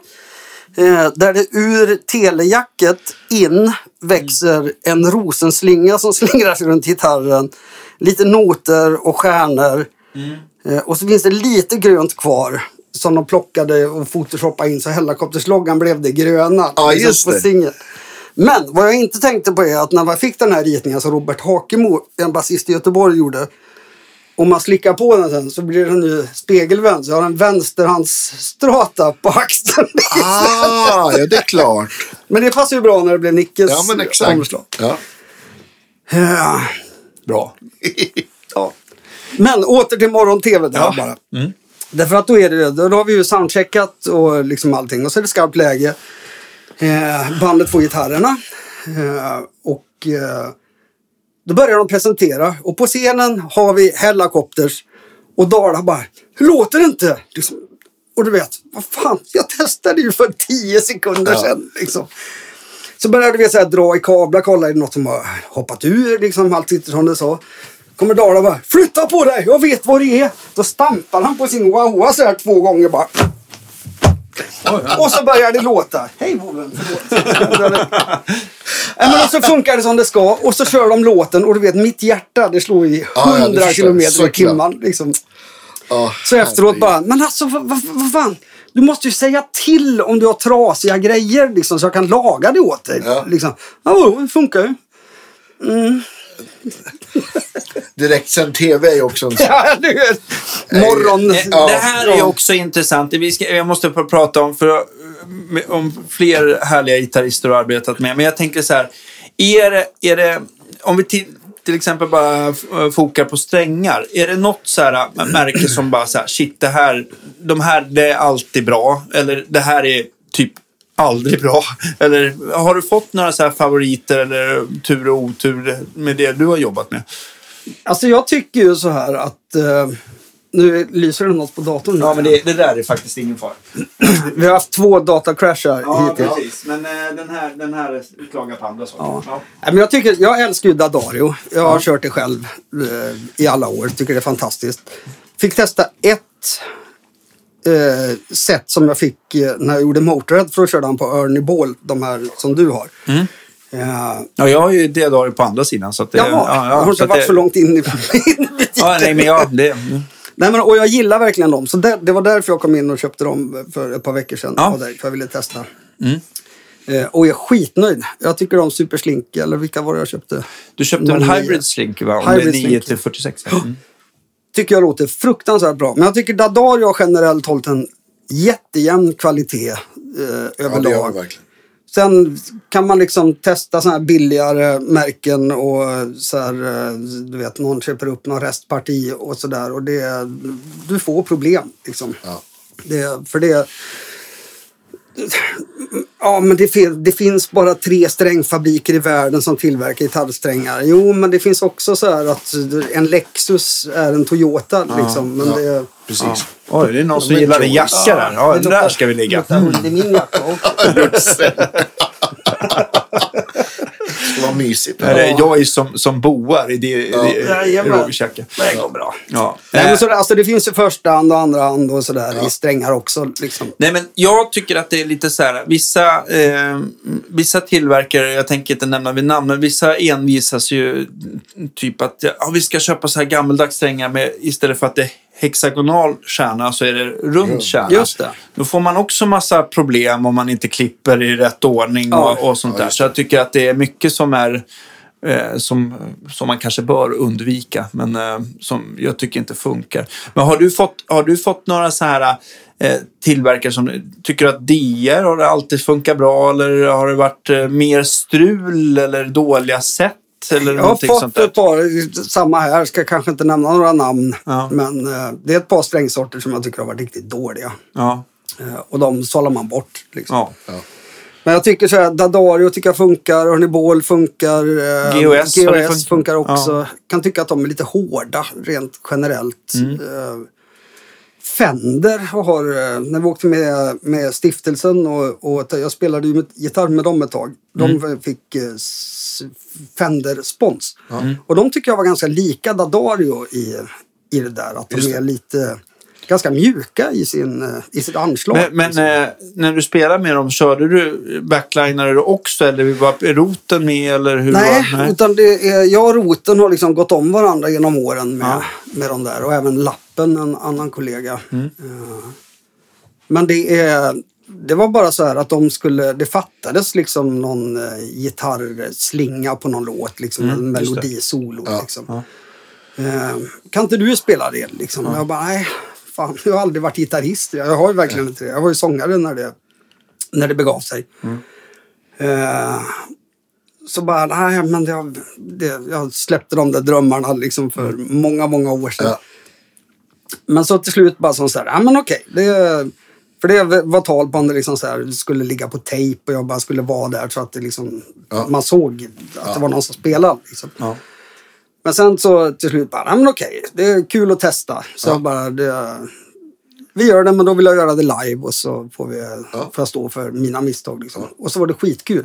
Ja, Det är fantastiskt såklart. roligt. Fick ta på mig, äntligen använda min svarta Les Paul Custom. Ja, Liksom. visst. Jag blev ju slash direkt när Ja. jag klev ut på scenen. Ja. Liksom. Och det var så jävla roligt och, och liksom, för det första då att få spela gitarr som eh, det är, för mig är det det coolaste instrumentet. Ja. Liksom. Ja, vi är klara. Och sen få spela att inför alla är, som lyssnar på oss har Ja, men eller hur. Och sen få spela eh, eh, inför folk.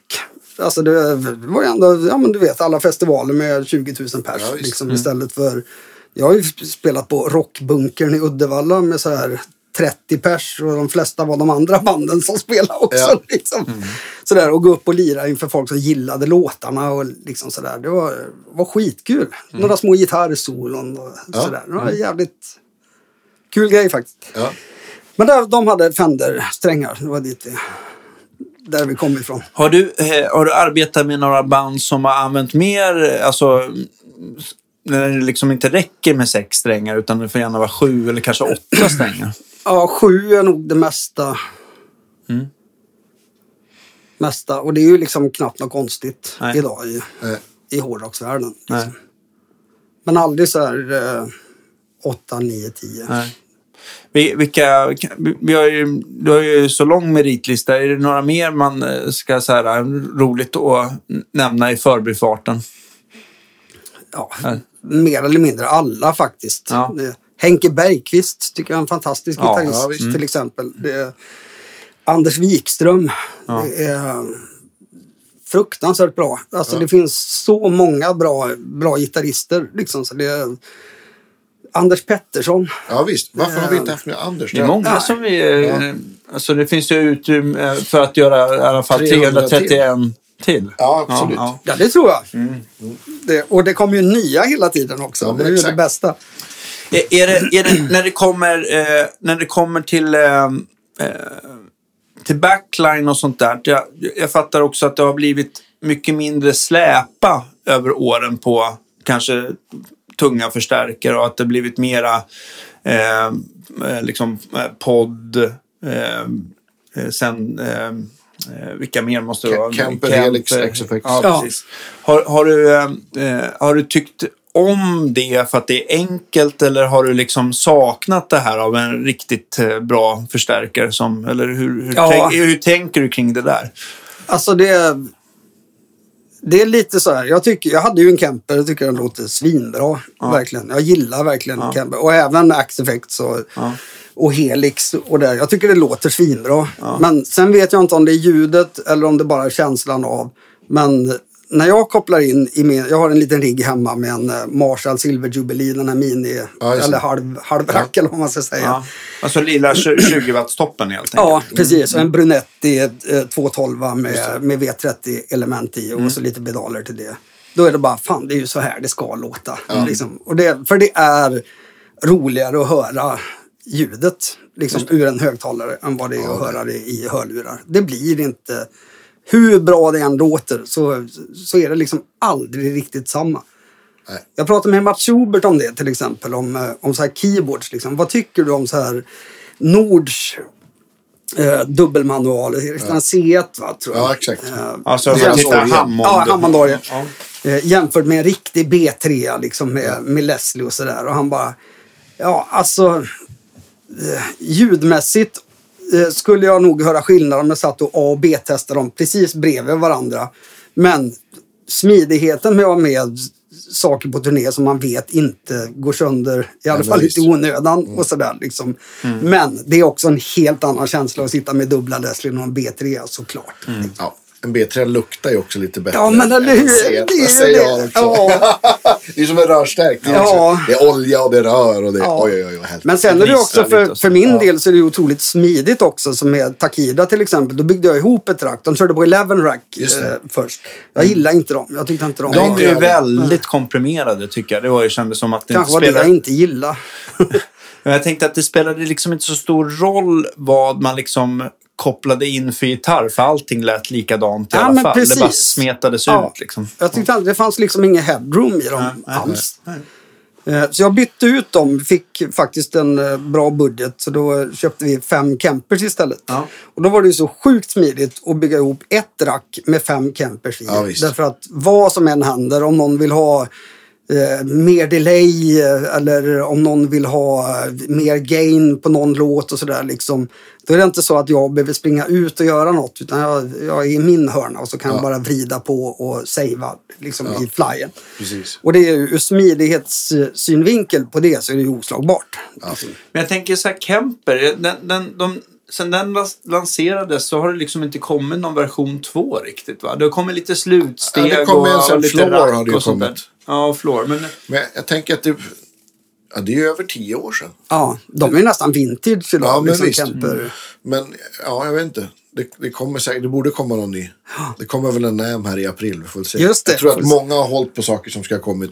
just det, på grund av Alltså- att det, och sen så har det väl varit så svårt med så här äh, Exakt. komponenter Ja, och... men. Ja, mm. Men kör du någon så här eh, Helix eller något? Ja, Lite- med mycket Helix. Så jag, gill, ja, men jag gillar det. Och, men, jag, Ja. men jag tycker också, som jag brukar säga, det, det är ett fantastiskt verktyg. Och den, men den ersätter ju inte min förstärkare. Nej. Men, men min förstärkare ersätter inte min, min Helix på vissa saker heller. Så att eh, man vill ju inte stå med en Helix på stampen och linea. Det går ju inte. Nej, precis. Det är lite- lite grann beroende på vad man gör på något Ja. vis. Men det är lite också som om man återgår till, till Ola Gustafsson igen. Liksom, när, ja. när vi gjorde, vi turnerade så jättemycket ihop en period. Eh, och då var, det, då var det inne med, man skulle ha isoboxar bakom scenen med förstärkarna i. Liksom, eh, så det skulle vara så tyst som möjligt för ljudteknikern. Eh, vilket ju är en bra tanke. Liksom. Men till slut sa Ola bara, "Nej, alltså, jag måste ha stärkan på scenen. Liksom. Jag, är, jag är ingen trollkarl, jag är en gitarrist. Jag vill, jag vill höra förstärkan. Liksom. Jag vill känna det där. Ja, det är liksom en del av eh, instrumentet. Liksom. Ja, men eller hur? Det blir som att, som att, inte fan vet jag, du åker bil fast så plockar du bort ratten och halva ryggstödet. Det blir inte så bekväm resa liksom.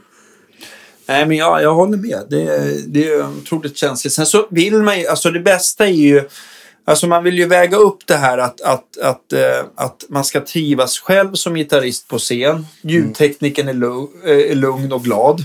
Och sen så en publik som inte får en spik i örat som man känner att man kan ta i. Utan alltså det blir så här, eh, ja. Eh, Sen är det så mycket också i dagens, så här, just när man kör lineat och, och in-ear och sådär liksom att om någon går och skruvar upp en mikrometer på en gain-kontroll liksom, eller en volymkontroll så påverkar det alla. Alla. Precis. Så det är ju extremt skört på det sättet. Ja, men det är att det precis. Du måste ha en monitortekniker och du, Ja, för du kan liksom inte gå och höja själv. Det, då förstör du liksom alla andras mix. precis. Ja, exakt så. Nej, men precis. Och det är ju... Ja.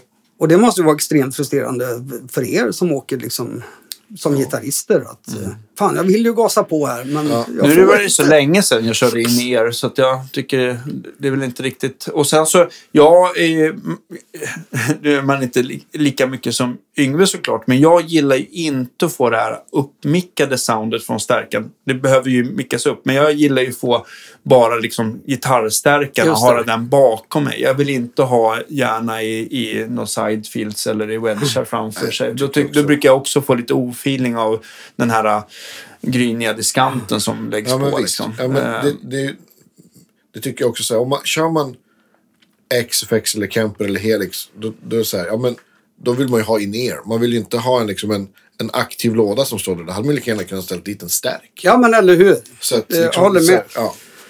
Jag förstår att, att folk har liksom cabs för liksom rundgång och sådär. Liksom. Ja men det hade ju Liksom. Hammerford. Ja, men precis. Men sen, en annan grej med det där kan ju vara om det, om det är en jättestor scen och allt är tyst utom trummorna. Absolut, men om det blir en klubbscen då kan det bli skitknasigt. Ja. Att det bara är trummorna som låter från scenen blir en jävligt skev ljudbild för alla som står långt fram. Så det är också en sån här Ja, parameter precis. som man måste tänka på. Och sen när man Faktiskt. hittade det där. Jag vet eh, när jag hoppade in då och gjorde, gjorde Motorhead som eh, gjorde Fils-gitarrer. Ja. Hur var det? var väldigt speciellt och det var väldigt starkt. Ja, men- men- hur, hur, vad hade han liksom eh, för grejer när han... Rakt in i Marshall. En, Ingen- en hundrawattare med två lådor typ, eller? Jag kommer faktiskt inte ihåg. Nej. Helt ärligt. Jag hade precis kommit hem från en, en lång turné med Udo. Vi hade varit ute så här fem veckor. Och så kom jag hem och så efter två dagar, jag och mitt ex skulle flytta och sådär liksom. Så ringer de bara, kan du komma och göra Motorhead ikväll? Liksom. Jag bara, va? liksom. Ikväll? Ja, då var det så här, det var...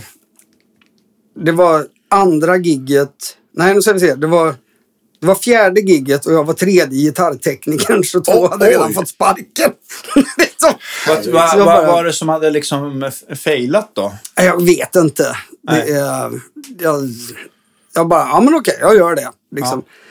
Så här, och då kommer jag ihåg Gud hade berättat att han hade varit uppe och gästat med, med Motörhead på någon låt någon gång. Och eh, det var så jävla starkt. Eh, Så det, Udan har så här att han är nästan döv på ena örat och efter ett tag så slår det andra lock Ja. under gig. Så han har inga proppar för det. Men ändå var det så fruktansvärt starkt för honom.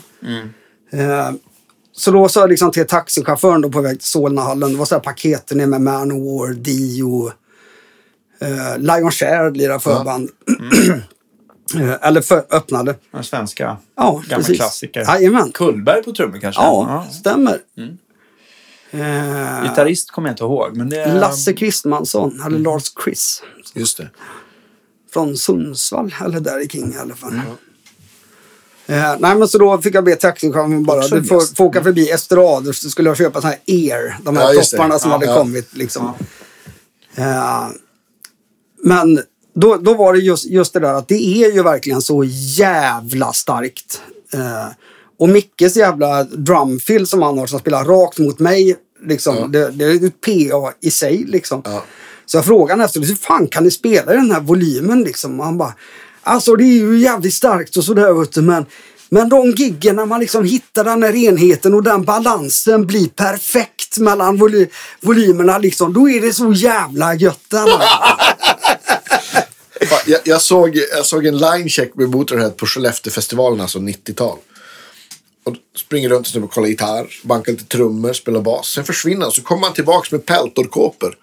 Och så går han fram till, och det står liksom en typ, som jag minns det, fyra så här 15 tums wedgar i ett U. Ja. Och, så bara, och så bara skriker han i mikrofonen. "Wah!" Och så tittar han bort mot monitorteknikern och så gör han tummen upp. Sen går han av. Just det. Det var liksom så här line-check på sångljudet. Han gick och tog på sig peltorkåpor först. Ja, han "Det här- klarar inte Det det är där." starkt. Ja. Fy finns ju, finns ju någon sån här skröna också när, när Lemmy stoppar gigget liksom, under konsert liksom, inför publik. Ropar upp monitortekniken på scenen liksom så här. Can you hear this horrible noise coming out of my monitors? Så han bara No, neither can I. Turn it up!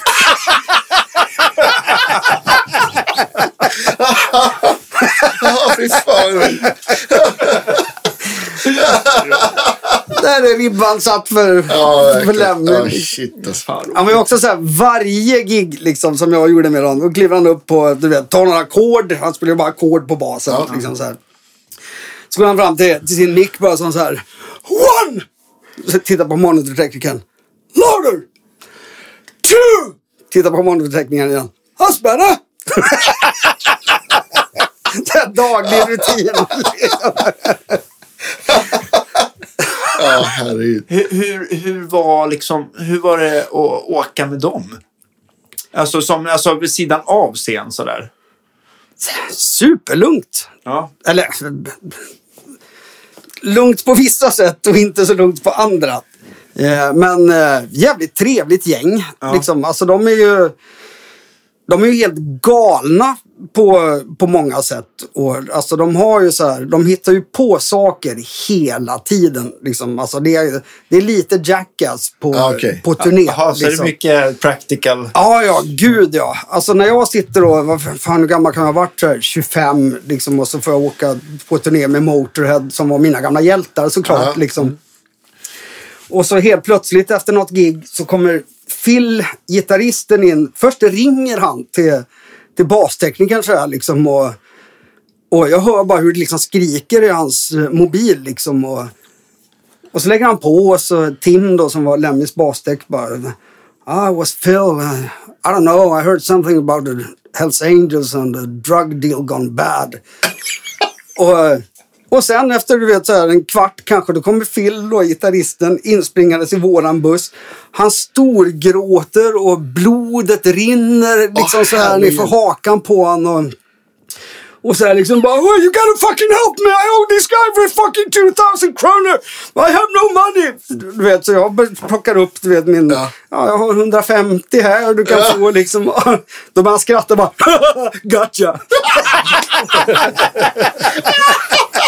Ja, det, är en, det är en bra nivå på pranks ändå alltså. Ja det är det. alltså. Och du vet sitter jag livrädd så här. Ja nu kommer H.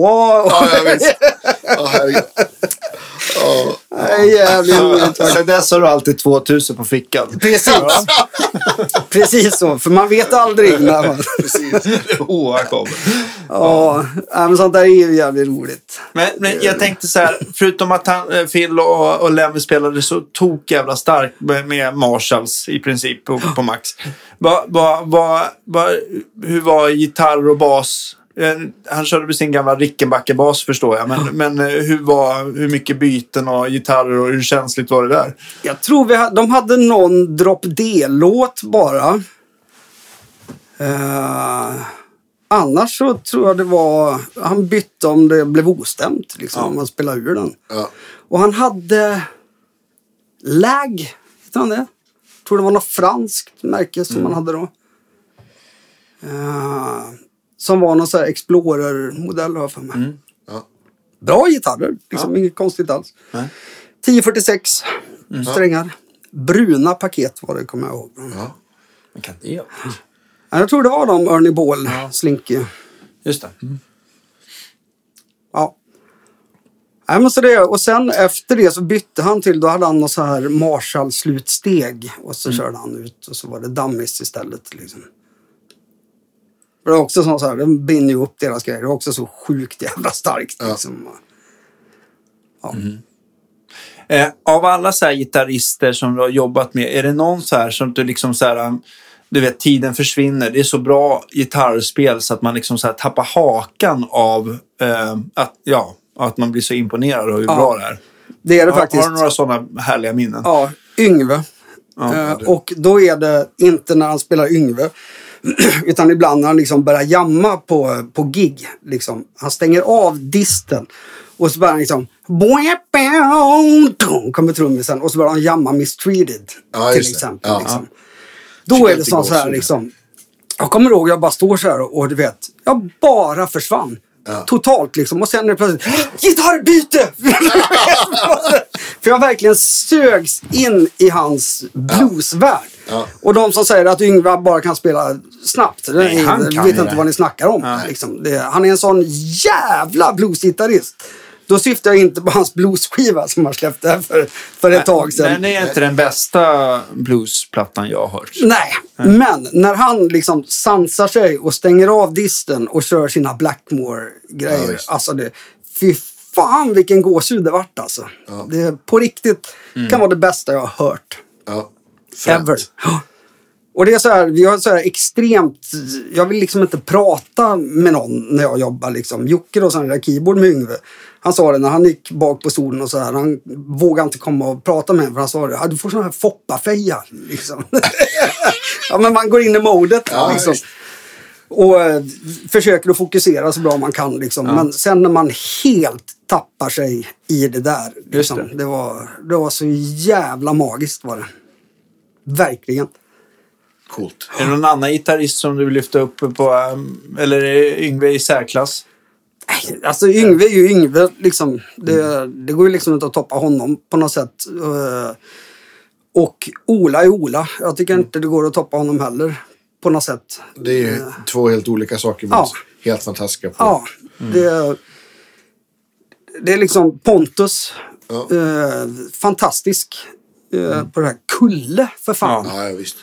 Det, han har varit med och gästat ibland på det där Ossi- Ossi-bandet som vi har. Liksom. Ja, det. Och det, Ja, det, det är en annan värld. Ja. Liksom, när, han, när han kör sina så här Randy Rhodes-grejer. det, det, är- det är inte bara ton för ton utan det, det är känsla för känsla Ja, i tonerna också. Liksom. Men Kulle är ändå eh, granne med oss här, så att han kommer ju ner med jämna mellanrum och så bara åh, men nu har jag faktiskt, nu har han nailat det. Och så har han tagit ut något solo. Och du vet, så här, man står så här bara, det är ungefär som man sitter, fast det är vrålstarkt, och hör originaltagningen. Alltså det kan vara Van Halen eller vad som helst. Eller något. Så, så Ja. bara så här, du vet, inte ett fel. Nej. Det blir så. Sen har jag en till faktiskt, Ja. om jag får. Ja. Roger Öjersson. Ja, han, är, han har jag pratat med. Han kommer komma som gäst. Ah, bra! Vildsvin. Ja, Så jävla bra. alltså lyssna på Vildsvins första skiva som heter Okej. Grisfesten. Ingen koll på allt. Nej, Ja. Fredrik Tomander eh, lirar bas. Martins det. brorsa. Och sen så... Eh, Peter Månsson lirar trummor. Ja, de var ju tio, Ja? Ja. tio. Precis. Ja, men alltså jag kommer ju, namnet ringer ju en, en klocka. Men jag, jag, kan, jag kommer inte ihåg någon musik. Han spelar väl också med så här, eh, ty, vad fan heter de nu. Arch Enemy, Tiamat, lirar han med Katatonia. Ja. Eh, han spelade bas med eh, Kamchatka. Jaha. Eh, otro- han är så här, det är- Otroligt bra. Jag, jag, såg, jag såg Vildsvin live. Eh, fast på ett så här otippat ställe som förband till Cissi Topp. ja, det gjorde jag backline. Ja. Ha! Var det, Det i Örebro? kanske? Finspång? Ja, Ja. vid slottet där, det Ja. vita. Ja. Se. Ja. Jag, kan. jag tror att de hade typ släppt Rydmin-plattan eller någonting sånt där. Det är länge sedan. Nej, ingen aning. Ja, det är det. Det var någon djungel, uh, djungeltema på deras... Ja. De hade på sig typ Men, jag, men, leopard. men, men jag vill bara minnas att Ro- Roger spelar på Hagström Swede eller Ja, Super Swede. precis. Mm. Någon svart eller någonting sånt. Mm. Och så in i en Marshall. Han hade något emellan hade de wah och sådär. Ja, men han, hade, han, han- har ju sån otroligt, eller det är så många, alla de här gitarristerna har ju grym timing. Men det var det man, man slogs av, att det var så här, allt, allt han spelade satt som, en, satt som handsken. Ja. Liksom. Så otroligt bra. Han fick hoppa in för Pontus nu. Det se- senaste giget vi gjorde med vårt Ossi-band. Ja. Då var det Roger på gitarr också. Ja. Vi kör så här typ var tionde år. Men det måste ju vara en värdig ersättare. ja, ja, verkligen. Men då hade jag frågat Kulle just. Ja. Det var därför jag kom att tänka på, på honom nu. Men Kulle bara, alltså jag hinner, inte, jag hinner inte sätta det här så bra som jag vill sätta det så jag måste tacka nej. Liksom. Och det är Ja. precis som du säger där. Att det, det ska vara, ta mig fan not för not. Liksom. Det, annars blir det dåligt. Men alltså, Ossi har ju haft en och annan vass-gitarrist där som man... Och sådär. Man ska... Står det helt stilla bara. Men det är Randy Rhodes och Jakey Lee. Ja, min favorit med Ozzy. Ja. Älskar Jake Lee. Och jag tänker också uh, Zack Wilde går inte av för hacker heller. Verkligen. No Rest for the Wicked-plattan. Jävlar vilket lir alltså. Ja, fantastiskt. Demon alcohol. No More Tears också. Ja, visst. Vem var två. med, vem var, som första extra. nu. Vem var Ja, med nu? Ja, vem var med nu på slutet? Gus G. just det. En italienare. Spelar med någonting som just det. hette... Grek. Grek, ja. ja stämmer. Firewind hette de Precis. Ja, just det. Så här, eh, metal. Ja. band. Får kolla med. Ja. Jaha. Nej, det, det var en, en kund som ramlade in en halvtimme för tidigt så där får se om... ehm, ja, eller 45 minuter för tidigt. Ja, så att han får, Fy han får, fan, han får han prata får med min vänta. kollega Oskar. Vi har inte tid. Nej, Nej. vi pratar tuffa gitarrister. Ja? Eh, eh, och sen så just det här eh, att eh, jag tänker också som backliner, det är väl egentligen att man, man, eh, man hinner inte, även om man är en gitarrbackliner så blir man väl ett team som hjälps åt med allt så att allting kommer in i, i, i, i in och ur bussen.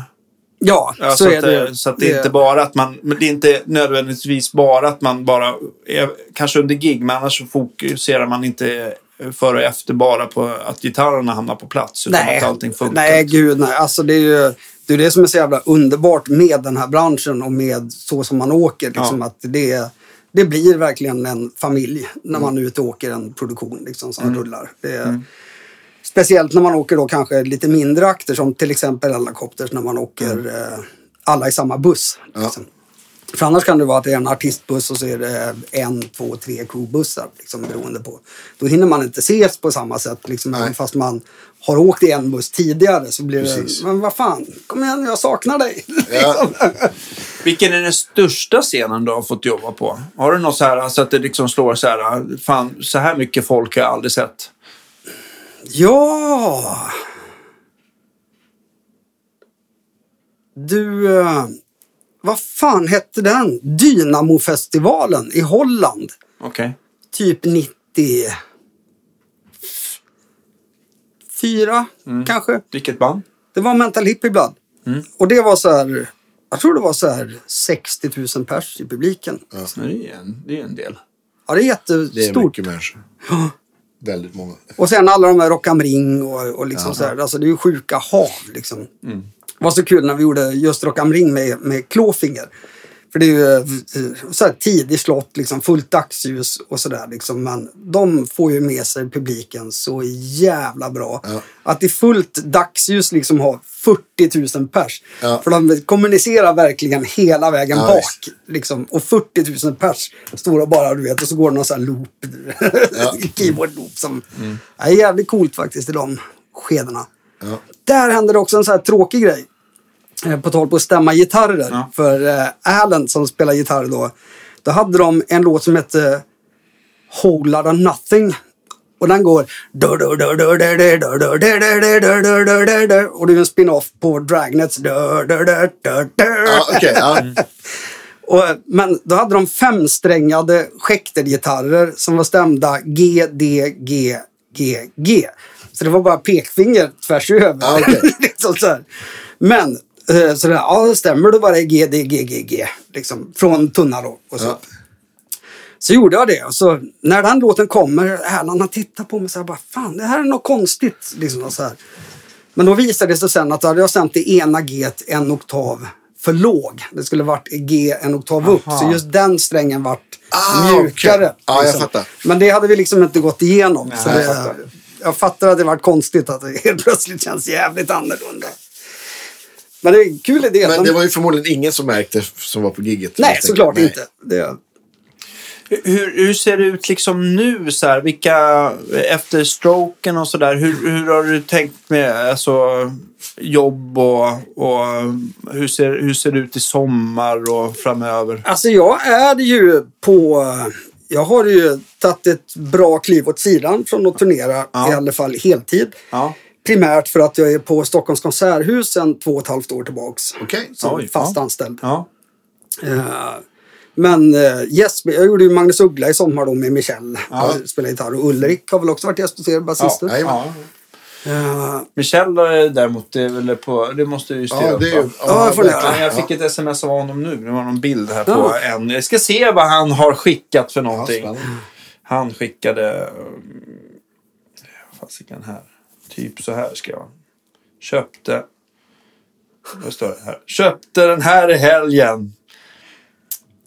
Eh, han har rökt så, så mycket så den har blivit gul. Hahaha.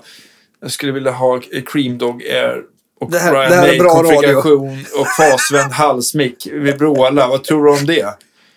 Ja, alltså en bild på en... en, en, en Åh jäklar vad gul har blivit. En, en, gammal, en gammal Flying V som, Ja, som har gulnat ordentligt. Ja, Ja. Ja. Ja. Får man väl säga skicka ett grattis sen. Men det, Ja, det är ja. klart vi fixar det. Ja, såklart. Men han gillar P90 ja. Men Dog er på... ehm, ja.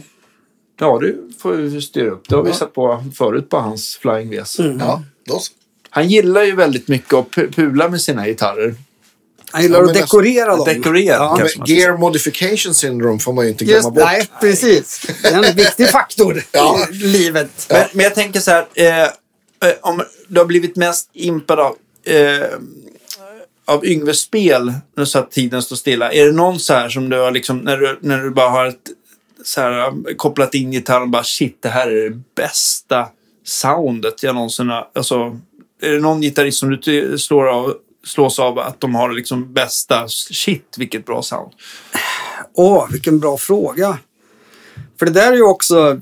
Alltså när jag spelar på, som inte är gitarrist, på Mm. gitarristers grejer så låter det ju helt annorlunda. Naturligtvis. Just- liksom. det, jag har ju inte det där, men någonting som jag tycker är kul är ju som till exempel när Ola kom med sin Three Monkeys eh, stärk till, till en turné. Liksom. Ja.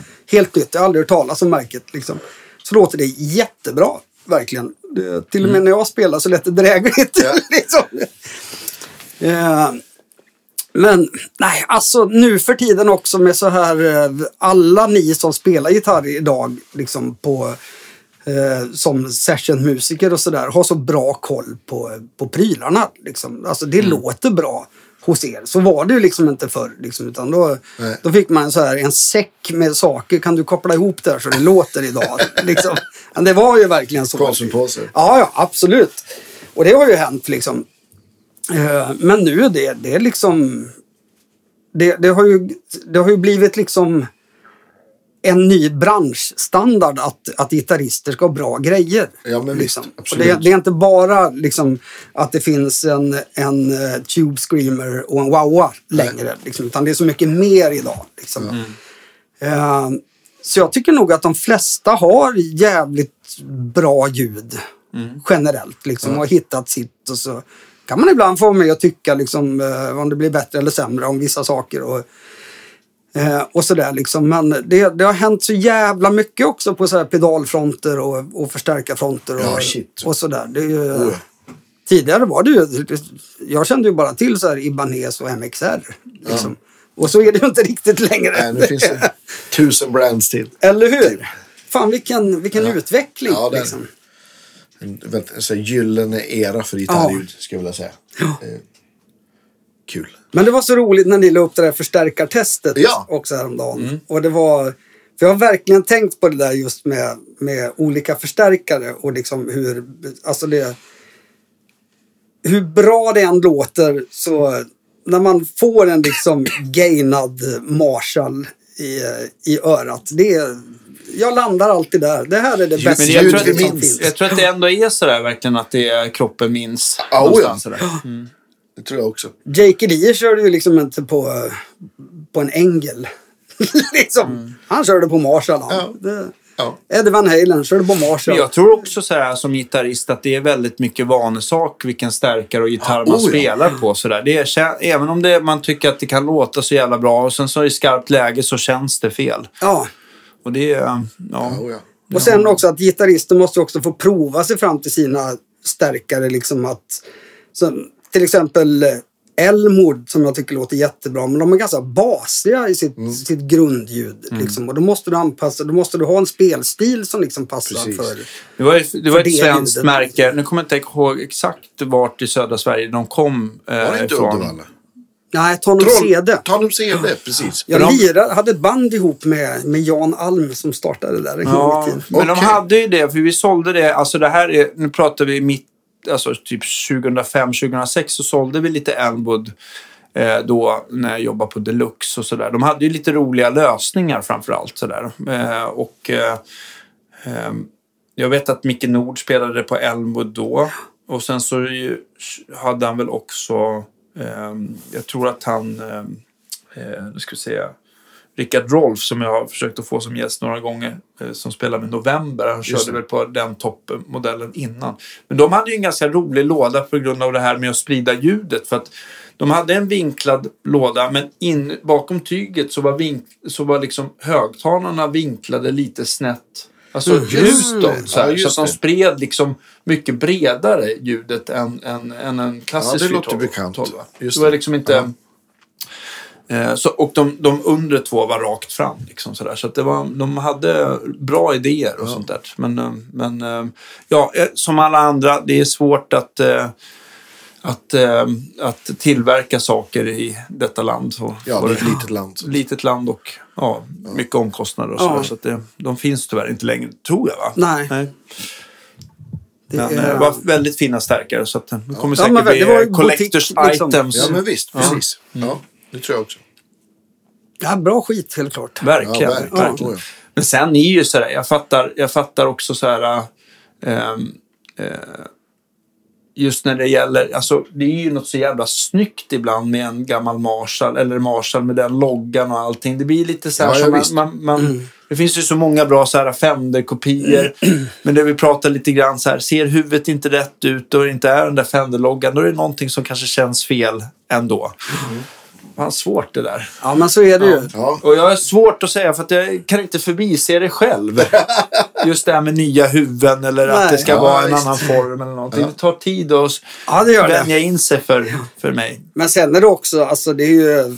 Det var som när jag och Fredrik Tomander pratade om det där, liksom, varför man ville bli rockstjärna när man var barn. Ja. Liksom. För mig var det bara, nej fan jag vill partaja och ha brudar. Liksom. Ja. Och Fredrik bara, alltså jag såg en Marshallstack. Det var så jävla coolt med en Marshallstack. Ja. Då tänkte jag att fan, jag ska fan börja lira gitarr. Ja. Men det är ju lite grann så här, jag tänker, eh, jag har säkert pratat om det förut, men jag tänker eh, Marshall som märke, jag tror att de verkligen så här funderar på hur ska vi eh, i framtiden ha vår logga på scen? För att det blir ju mer och mer avstärkat på scen. Mm. Ja, ja, så det är, jag tror att de här förstärkar eh, De får, jättarna de får börja sälja dummies helt enkelt. Ja, Ja, absolut. Jag är seriös. Ja, jag menar, absolut. Jag vet inte heller hur de ska... För att de har ju ett problem med att de ska hitta en framtid att stanna på scen helt enkelt. Scorpions hade ju, när de hade Engelspons, nu är det här 20 år sedan. Liksom, vi gjorde några festivaler med dem när jag var ute med Udo. Då. Och då hade deras gitarrtekniker hade varit gitarrtekniker åt Accept. Ja. Så vi fick lite cooking sådär. Liksom. Och de hade ju så här typ 30 Engel-dummies på scenen. Men då hade gitarrteknikern varit så smart för det var så jävla tungt att släppa runt även på dummies. För de har ju den här metallgallret Just det. på framsidan. Så det är ju liksom så här, det är ju ton extra bara det. Ja. Så han skruvade bort alla dem och så satt han med en silverpenna och rita galler på, på framtyget. Bra. Det är smart faktiskt. Ja. Det, är, det är ingen i, i publiken som ser det. Nej, nej. Ja. Hatten av, Ja, kreativt. men, men när började du på Konserthuset? Var du... det är två och ett halvt år sedan. Ja. Det, vi hade kommit hem ifrån Sydamerika med Hellacopters. Och eh, då kom vi hem typ 16 mars tror jag. Och så var det helt tomt i kalendern. Pandemin hade precis släppt till. Ja, det vi kom med, vi kom typ med, dog. ja, vi kom med sista flighten Ja. hem från Jag kommer Brasilien. ihåg, det stod det om i tidningarna och Asså? mycket, ja, men, så här Aftonbladet att ja, men ni hade problem att ta er hem. Ja, ja, visst. Vi kommer till flygplatsen. Det står cancel på alla flighter utom den vi ska med till, till Portugal. Så vi bara, okej, håll i den nu. Så här, två Ja. timmar till, bara två timmar till. så vi tänkte, kommer vi bara till Portugal då, först, de var första anhalt, då går det att lösa sen. Ta hyrbilar hem eller vad fan som helst. Liksom. Ja. Ja, men så det var lite härligt. Men sen, då ringde de ifrån Konserthuset och så sa de vi har en eh, annons ute men vi har inte fått de sökande vi vill ha. Eh, och eh, vi har blivit tipsade om dig och undrar om du vill söka tjänsten. Ja. Ja, det vill jag. Bara läget att få ett jobb under pandemin. Ja, herregud vilken timing. Ja, det var så helt sjukt. När jag plockade ut liksom sista lönen från mitt aktiebolag, då fick jag första ifrån Konserthuset. Så var det så här perfekt. Sen var, Kontot var tomt. Liksom. Eh, och så har jag varit där nu två och ett halvt år och trivs skitbra. Det är ett jättebra jobb. Liksom. Ja. Det, och eh, kommer liksom göra så här vick-gig sommartid. Liksom, göra backline. Ja, men hoppa in tio dagar. Liksom. Jag känner också, har man ett heltidsjobb och sådär. Liksom, det, jag gjorde ju det i somras med Uggla och eh, liksom, jag hade ju en stroke för ett år sedan. Och eh, det var, jag hann liksom aldrig vila upp mig riktigt. Eller ens komma tillbaks. För det, det var ganska kraftiga finmotoriksproblem och, och liksom sådär i, i kroppen. Och nervsmärtor och, och shit. sådär. Liksom. Det är både bedövat så du inte har någon känsel samtidigt som det gör svinont. Så det är jättekonstiga sådana här. Det låter ju... Ja. Ja, det är det. Men jag blir så jävla lycklig för nu har jag börjat träna. Och då, Ja. skapar, då byggs det nya hjärnceller. Ja, eh, coolt. Av det, pulshöjande aktivitet. Ja. Och det var inte en dag för tidigt kan jag säga. Nej, men så satt jag hemma häromdagen faktiskt, bara nu för typ två, tre dagar sedan. Och så kunde jag för första gången, för högerhanden lyder liksom inte. Jag kan inte spela så här Master of Puppets för med så här snabba nedstråk bara. Eh, men att jag för första gången kunde spela så här I don't know med Ozzy. Vet. Ah, vad grymt. Ja. Och det, Ja. det sitter. Jag känner Ja, att jag fick det Ja. där. Gav mig på Bark at the Moon också så här. Nej, inte än. Liksom. Men jobba mig dit. Ja. Liksom. Så det, Men vi hade ju eh, experimenterat lite grann med strängtjocklek också. Ja! Du kom från ganska tjockt till, eh, nu har jag gått ner till lite tunnare. Liksom, Precis. Kör 9.46 nu. Ja. Från 11.49 till 10.52. Jag gillar inte alls att ha den tjocka botten. Eh, Så, så eh, gick jag ner nu till 9.46. Och det är så jävla bra. Det, Och det gör ju också att det, det funkar bättre. Ja, men visst, såklart. sådär. Men Så alltså, det är jävligt coolt. det. men alltså den, alltså jag gillar ju inte heller det här som vi pratade om att det blir för, det blir för st- stor, nej men alltså det blir för stor skillnad på hur plektrumet glider över strängen. Ja. Det känns ju olika på en, en tjockare sträng än mot en tunnare sträng. Men alltså som, som Yngve spelar där det ska gå så jävla fort och köra i slutet av turnén, vad var det du sa? 8 till 50. 54 har jag för mig det var. Alltså den skillnaden, även om det är S så det, måste det kännas så otroligt Ja, oh, olika. ja. Så här, 08 eh, funderar man på om man ens känner i plektrumet Nej. och sen så går ner till 54 där. Jag för man hade så här 8, 8, 11, 13 tror jag Ja. på de tre tunnaste. Så det är, alltså G-strängen är ju också skittunn. Ja, det är verkligen. alltså förhållandevis. Det är ju en B-sträng i Ja, vanliga fall. Ja. Eller hur? Så det, Men det nej, låter är ju en- bra. Alltså, han eh, har ju verkligen Han har det där bemästrat. till perfektion. Alltså, jag menar, kolla in hans högerhand liksom, när han spelar. Det finns ju ingen som har bättre högerhandsteknik Nej. än vad han har. Han, han rör ju inte handen. Nej, det ser helt fan... Det är, Det är som att här, se Anders Kotz eller Surjo lira bas. Du ser liksom inte heller att högerhanden går. Det bara låter jävligt bra. Eller hur? Eh, nej, men han har ju verkligen, och det som är så unikt med Yngves, det är ju som att det är många gitarrister som spelar med handleden. Men han har ju liksom, han har ju liksom, det är ju som en liten rörelse bara mellan tumme och pekfingret som liksom... Och ändå smäller det bara. Liksom. Ja, han, ja det, precis. Det är lite det är attityd. Det är, inte, det är inget duttande. Nej, det är, fast det ser dutt ut Ja. när man ser det utifrån. Liksom. ja. Vad heter han? Det finns ju någon... någon är han britt eller amerikan som har någon serie som, om teknik på YouTube? Heter han Troy Grady tror jag. tror Okej. jag. Han har gjort ganska många videos som Yngve där han har så här, ta, från konsertfilmer och instruktionsvideor och så här, bara så här kollat in vad han gör och hur mycket han pickar. och Ja, Just det. Så gillar man sånt så finns det. Troy Grady är dagens tips. på. Ah, kul. Ja. Där har du många timmars. Ja, Men du, jag tänkte också så här eh, innan man rundar av. Eh, eh, Du har ju sett så mycket publik i olika länder och olika typer av scener och storlekar. Så här. Är det någon så här, nå- någonstans du bara så här, bara shit, bättre publik än så här får man inte i världen? Är, är det något land som du känner så här, de här, det här, de här får vi ändå kora som vinnare? ja alltså. Chilenska publiken med Europe till exempel. Det var ju speciellt. För det, är- det är en gryta som kokar. Ja. Verkligen. Och när vi var i, i, i Ryssland med Udo, det liksom eh, när det var första bandet någonsin som spelade i den stan. Shit, liksom. Internationellt. Och det var en ishall.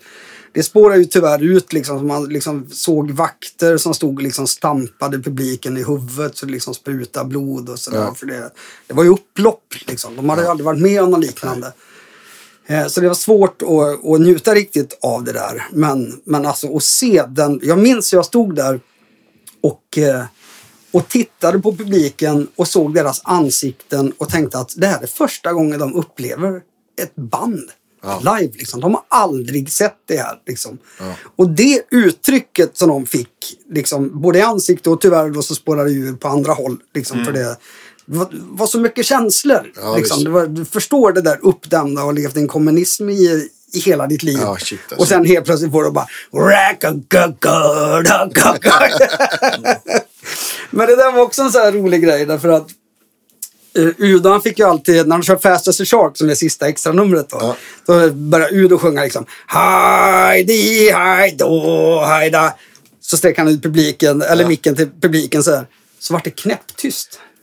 Ingen sjunger liksom. Nej, De de har, de har aldrig hört det. Shit, jo då, det hade de gjort. Men det var den låten som tyskarna sjöng och visslade medan de marscherade in i Ryssland. Nej! Vilka uppförsbacke. Åh, shit. Ja, Oj. Oh, jobbigt att komma tillbaka till den. Alltså. eller hur? Det Okej, vi kör Nej, då. vi skiter i det. Nu kör vi låten. Det är så dumt. Ja. Men det är bra för oss. Ja. Om man något att garva åt. Ja. Ja, det är inte lätt att vara tysk. Eh, precis. Ja, men där är det. Den publiken var verkligen så här. Det, att, Ja, jag fattar att att få det- dela det, alltså, eller att få se det Ja. och vara en del av det. Och det var ju så här, när jag stod och packade trummor efter gig så här, liksom, då läktarna bara rusade ner liksom, och skrek på mig. Så jag fick stå och skriva autografer i en timme. Så Som trumtekniker. Ja, fantastiskt. Är jävligt sjukt alltså. Roligt. Det man inte har. Eh, när det gäller så här, eh, nu vet jag att du älskar din eh, eh, Les Paul Custom ehm, och eh, din lilla Marshall-stärkare och eh, Brunetti-låda Mm. och lite pedaler. Och så här. Vad, har du samlat på dig mer så här grejer eller fått grejer under resans Ja, gång, det har jag. Men mycket säljer man ju av också Ja, under tiden. Jag har kvar, det jag har kvar nu är det, det jag har. Liksom. Jag har en, eh, ja pedalbordet då går eh, från Les Paulen primärt. ja. Eh, Så går det i en uh, Wowa som Ja. jag fick av Yngve faktiskt. Kommer Ja. jag aldrig sälja. Nej, såklart. Eh, nej, förlåt. In i en Veriface först. Eh, och eh, sen in i Wowan Ja. in i stämapparat, in i schaller, tremolo, till, vad heter den där, Dual Chorus va? Gammal Ibanez 80-tals eh, pedal. Den har Oh, både flanger och... Ja, det känner jag bekant, men jag, jag kan inte säga att jag vet hur den ser ut. Nej. Du får skicka en bild. Jag har en. Du ska Bra. få se. Eh, och sen så går det till en, Ja. till en Slash eh, Octafuzz. Just det. Den borde ligga lite tidigare tycker jag. Nej, den ligger faktiskt i en Ibanez Facetone. Eller både och? Nej, få. det är en oktav ner, men jag tänkte att den ändå hade så mycket svårare Den har oktav upp också. Ja, den Ja, där! den där, den där, den, det, det här var min första pedal. Är den det sant? Det låter ja. så jävla varmt och Ja, men fint. den, är, alltså. den låter inte som någonting Den, annat. den, den finns ju också som Facer som låter så brutalt bra. Som är så Ja. här, den är brun chokladfärgad liksom. Eh, För det där är väl koruset va? Den blåa. Se, Nu hoppar jag tydligen över till Andreas mick här. Ja, Det här är en Facer. Ja, det där, där, Ja, här där är är det. koruset. Ja, den här är alltså ja, samma då serie den, Ja, som... men den är ju grym den. Just det, precis. Förlåt. jag Samma tror att serie jag- som TS10. Så. PC10 ja. Ja. Jag tror alla den där serien hette 10. Um, den Och finns så går ju... den vidare sen. Och sen så har jag i... Ja just det, så den här Elmwood-boosten. Ja, titta. boosten. Coolt, det visste jag inte ens de- fanns. Nej. Nej, jättekort period gjorde de dem. Och så har de här två då Hall of Fame och eh, Flashback Ja. TC i loopen. Just det. Och sen tapptempo bara till. Ja, perfekt. Och så den lilla. Titta. Och Så Fint. har jag den lilla gitarrväggen. Uff. Ja, det här måste du skicka. Kan inte du skicka där så vi kan lägga upp kan det? jag absolut göra. Det är, den här Det gitarren är Det var rolig. en balalaika från Ryssland. Ja. Jajamän. Ja, jajamensan. Den eh, gick min mamma när hon gick i gitarrskola för Ja. så här 70 år sedan. Då Ja, det var den hennes. gitarren. Ja, vad roligt. Och du har en sån här rolig gammal Ibanez med så här omvänd burst va? Ja, ja. Alltså sån som går från Massa pull push. eh, Mitt i mitten. Ja, det är en sån här Roadstar och sen så blir det så här, den går från liksom krämvitt Ja. till lila. Och jag ville ha en, eh, en Floyd-gitarr. Liksom, för jag ville Ja. kunna göra dive bombs. Såklart. Ja. Så då köpte jag en sån här eh, Wolfgang eh, Ja. eh, på, vad heter de ute i Arlanda? Uff. För Gear for Music va? Ja. Mm. Så då köpte jag en sån, men då var den felbyggd. Så E-strängen låg liksom nästan utanför halsen. Stallet var liksom du vet, så här, ett par millimeter. Ja. Fem strängar till. Så då åkte jag ut med den så bara, vill du vi ska beställa en ny eller ska vi, eh, ska vi göra ett återköp? Så jag bara, men gör ett återköp så får jag liksom se om jag hittar något. Så stannar jag och käkar på hemvägen och så går jag ut på vänd. Och så dyker den gitarren upp. Nej, vad kul. En ägare från 85 eller vad fan Ja, det ja, var. men det liksom. där är ju innan RG liksom. Ja, det måste vara det Ja, älskar- för det där var en sån här drömgitarr. Liksom. Ja, vad kul. Det var Så tänkt. Ja, det var verkligen det. Det var ödet som Ja. klev in och bara, du ska ju ha den här. Du ska Ja. inte ha den Men där. den har ett, den, har- då hade de ändå fått sitt eget Floyd, där Edge-stallet. Ja, precis. Mm, just det. För det kom ju lite innan Ergen. Ergen måste ju varit liksom året eller två år efter där, runt 87. Ja, Och kanske. sådär dök, dök de upp liksom och ersatte.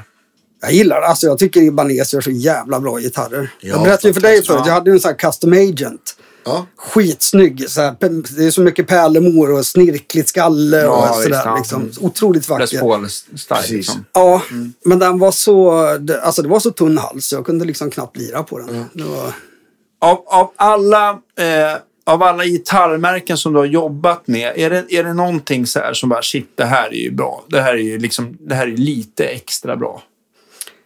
jag gillar ju Gibson. Mm. Jag är en Gibson-kille. Jag, tycker, jag kan liksom inte spela på stratta för jag vrider ner volymen hela tiden när jag spelar. Den ligger liksom för nära volymkontrollen. Framförallt, framförallt Yngve som vill ha en sån så här lös eh, volymkontroll också. Extra, Ja. extra snabb. Ja. Mm. Nej, men jag, jag gillar Gibson. Sen finns alltså, det finns så mycket, mycket bra, bra instrument. Sandbergarna är skitbra, liksom, Mm. till exempel. ESP också jättebra. Alltså deras uh, topline är ju svinbra gitarrer. Ja, liksom. ja, visst. Och Yamaha och så, alltså jag så, så här, Det är ingenting du vill spy galla på så här efterhand. Eller att du hade otur. Nej, det tycker jag inte. Jag Förutom tycker de mer... här australiensiska Ja, Mossrite-kopiorna. precis. Ja. Nej, men jag tycker, tycker också lite sån så här att det, det är en sån vintage-hets ofta. Att allting, det måste vara gamla 60-talare och sådär. Liksom. Ja. Men man får heller inte glömma bort att när, när liksom Pete Townsend fick sina gitarrer, då var de nya från fabrik. Eller liksom. Det, Fräscht. det görs ju skitbra nya gitarrer. Ola blev så glad när han hade fått en så här, någon Yamaha-acke på Ja, spons. visst. liksom, De är svinbra. Låter svinbra och det som man tyckte var bäst var att det här kommer du gilla Roger. För du vet, så här, i vanliga fall får man skruva av strängarna och så ska man liksom fista gitarren för att få, få ut ett batteri som sitter med kardborre och du vet så här. Och här tryckte du på en knapp så plopp så kom 9 voltaren ut till dig och så bytte du. Och så det. Driftsäkert och smidigt och, och sådär. Det var ju... Ja, alltså om man vill ha någonting som, som funkar. Det kanske finns gitarrer som låter bättre där ute. Men ska du ha någon så här live-turné-gitarr som ska vara stabil och strular lite, då, har ju, då, har ju, då ligger ju Yamaha ganska högt i kurs. Ja. Absolut. Verkligen. Ja. Superbra. Figge hade ju, Figge Boström, när vi gjorde Eva Dahlgren. Var hans spärrbas han hade med sig, var en Toman-bas för tusen spänn. Så jag bara, för, men alltså, för, skillnaden på den och hans P-bas som han hade, liksom så här. Alltså det är bas i ett PA. Vem fan kommer att ha någon skillnad? liksom, Sant. Men jag gillar ändå, eller jag, jag fattar det också, det har sin charm. Men jag gillar ändå så här folk som drar lite sina saker till sin spets. Det är lite Ja, det som ja, får, alltså- det, det får ja, men- upp min livslista Ja, lite det, grann. Det det, allting man håller ju på för sin egen skull. För Ja. liksom, Aldrig klar. ja, men så här, men jag tar ju med mig gitarrer och grejer som... Det är ju det är ju alltså, såklart, man har gitarrer i olika stämningar, bla bla bla. Men, men, ja, men som, som... eh, Vem var det som sa det? Jag, jag tar med en till gitarr för jag kan. Michel. Michel, Ja. precis. Ja, men så. Absolut, det är ju det är total glädje. Det är därför man håller på. Det Ja. liksom, det, det, Verkligen. Man får liksom inte glömma den faktorn av... Man får inte bli för praktiskt. Nej. Jag, jag, tänkte också, jag tänkte också så här, för att det var, du sa att det var så svårt att vara backline åt uh, Nicke Andersson. Var, var det bara den här, eh, just den intonerings, alltså stämningsperfektionen eller var det något annat som också gjorde att det blev, att det blev svårare tycker Jag jag? kan inte säga att det var svårt att vara backland åt, eh, eller göra backland åt Nicke Andersson. Eh, utan det var svårt att göra backland åt Nicke Anderssons visioner. Liksom, och hans bild, målbild av hur han vill ha det. Liksom. Alltså Nicke är helt jävla underbar. Och det, även om vi träffas alldeles för sällan så tycker jag han är en av mina bättre vänner. Liksom. Nicke måste vi ha som gäst. Det är Jo, också- men han är, de har ju, jag har ju pratat med dem här. Ja, så, kul. Så det, jag tror Så att jag ska det- försöka göra någon dubbelavsnitt med han och Bobba. Eller Just det. sånt där, så. Ja, Visst, det- grymt. Ja, men eller hur. För det, är- men det är liksom som sagt, det, det är... Det är han... Han har saker i sitt huvud och så är det det som är där och så är det det som ska ner. Vi hade till exempel så här, jag tror vi hade gjort 10 gig liksom så bara... Eh, säger jag till honom så här, men du... Eh, alltså jag ser att du använder aldrig din wowa. Liksom så här, ska jag ta bort den? För han hade bara en boost så, Ja. när han körde solo. Liksom. Jag har ingen wowa. Ja, men jag, jag har ju ställt en Wawa. Vi hade den på repen och så har jag ställt fram den varje gig. Nej, jag har ingen Wawa. Ja, Okej, då sätter jag inte upp den någon mer. Jag har inte sett det. Nej, den stod liksom bredvid hans mixtativ. Liksom. Men det, han, han har sin målbild, han har sin boost. Det är hans värld, det som finns. Det andra kan vara liksom kanske nästa bands Wawa som står där. Ja, det rör liksom, vi inte. Ja, Nej, men han, han ska ju fronta ett band liksom. Och- ja och- absolut. Han skiter väl i allt ja, annat. Ja. Nej men så det, det är liksom... eh, Det är... eh, Han är en sån enorm perfektionist. Och jag älskar att jobba under de förutsättningarna också. För det, det får också mig att pusha mig och försöka men göra det så bra som möjligt. Och det, det är också där, sen när man liksom sitter vid sidan av så är det liksom som att vi sitter så här. Ja. Liksom. jo, men just när det gäller vad, när han är perfektionist, vad är det som gör det också så svårt för dig? Är det, att, är det liksom att, eh, att, att eh, nu låter den här stärkan skit idag på det här stället, eh, vi måste byta högtalare eller? eh, Vad, Nej, vad är- ingenting sånt. Men det kan också vara när vi gjorde det här uh, uh, Where the Action Is. Det gjorde vi en turné. Så var vi på Skansen. Det Mm. Ja. var Backyard Helicopters och The Hives tror jag. Mm. Eh, Vilken, vilken line ja, eller hur. Eh, och så var Soundtrack med några gig också. Mm. Jag tror Asta Kask Okej. öppnade faktiskt den kvällen. Eh, nej, men och då får han, eh, då gick hans stärk sönder så vi fick buda en från Halkans. Eh, och eh, tar in den i logen, han får ratta in liksom, för han är så här extremt petig med sitt ljud. Ja. Och blir liksom arg när det låter dåligt. Liksom. Och när man inte har sina egna grejer liksom, så, så blir det ju så. Liksom. Eh, och det är ju jättetråkigt när det är hyrbacklan ofta. Liksom, och det, då, är inte, då blir det ett moment som stör honom i gigget. Ja, liksom. precis. Det går liksom inte att komma vidare och Nej, släppa. allt nej, det. och med all rätt. Liksom, Verkligen. Ja, men jag tycker, ja. Alltså Ja. ett dåligt sound, det är, det är Nej, svårt det är ju- att koppla bort. Ja, Alltså. det är det. Ja. Men så, tog vi stärken till logen då på Skansen. sten i och skon. Så satt han och... Ja, Ja, på verkligen. Ja. Så satt vi liksom ratta in ett bra ljud liksom. Tar upp den på scenen, de kommer på och ska spela liksom. Går han fram och tar ett, eh, ett ackord liksom. Tittar han bort mot mig och så ler han lite så här. Låter skit. Jag hade precis rattat in ett ljud som jag tyckte var bra. Sen bara, nej, nu lät det skit. Så det, Ja. och ibland är det också sånt så här, som jag sa tidigare, alltså jag, jag släpper ofta mina visioner i det. Liksom, utan jag försöker att läsa av vad är det, vad är det ni vill ha. Liksom. Och så får man ta det där. Sen körde jag med Fender Twin också som jag tycker låter skit redan från början. De är så jävla vassa. Liksom. Ja, det, ja, de är speciella. ja, Ja, det är de. Men Ja. ytterligare, det är, man, man, ska trivas också va? med hur det svarar och fingrarna och sådär. Ja. Absolut. Men det är lite så här, jag, tänkte, jag, jag, jag, jag, sitter här bredvid mitt eget pedalbord som, eh, där det byter plats på lite grejer. Såklart. Men jag har märkt en sak, om jag kan ta med mig liksom två overdrives. Jag kan stå här inne i mitt eh, jättetrevliga provrum och ratta in det soundet jag vill ha. Och jag, eh, och jag fastnar för någon overdrive till exempel. Så blir det ändå så här att fan jag vet hur jag funkar. För hamnar jag på den scenen så, så kan det vara så att jag inte kommer trivas. Utan då har jag en annan som jag vet är lite mer mångsidig. Så jag kan liksom... Ja, så att jag kan lösa problemet någonstans där. Så det. Ja. Ja, jag tycker ju som så här, att ta med sig liksom en Tube Screamer löser väldigt många sådana problem. Mm. Jag gjorde några gig med, med Krokus, det gamla Ja. schweiziska bandet.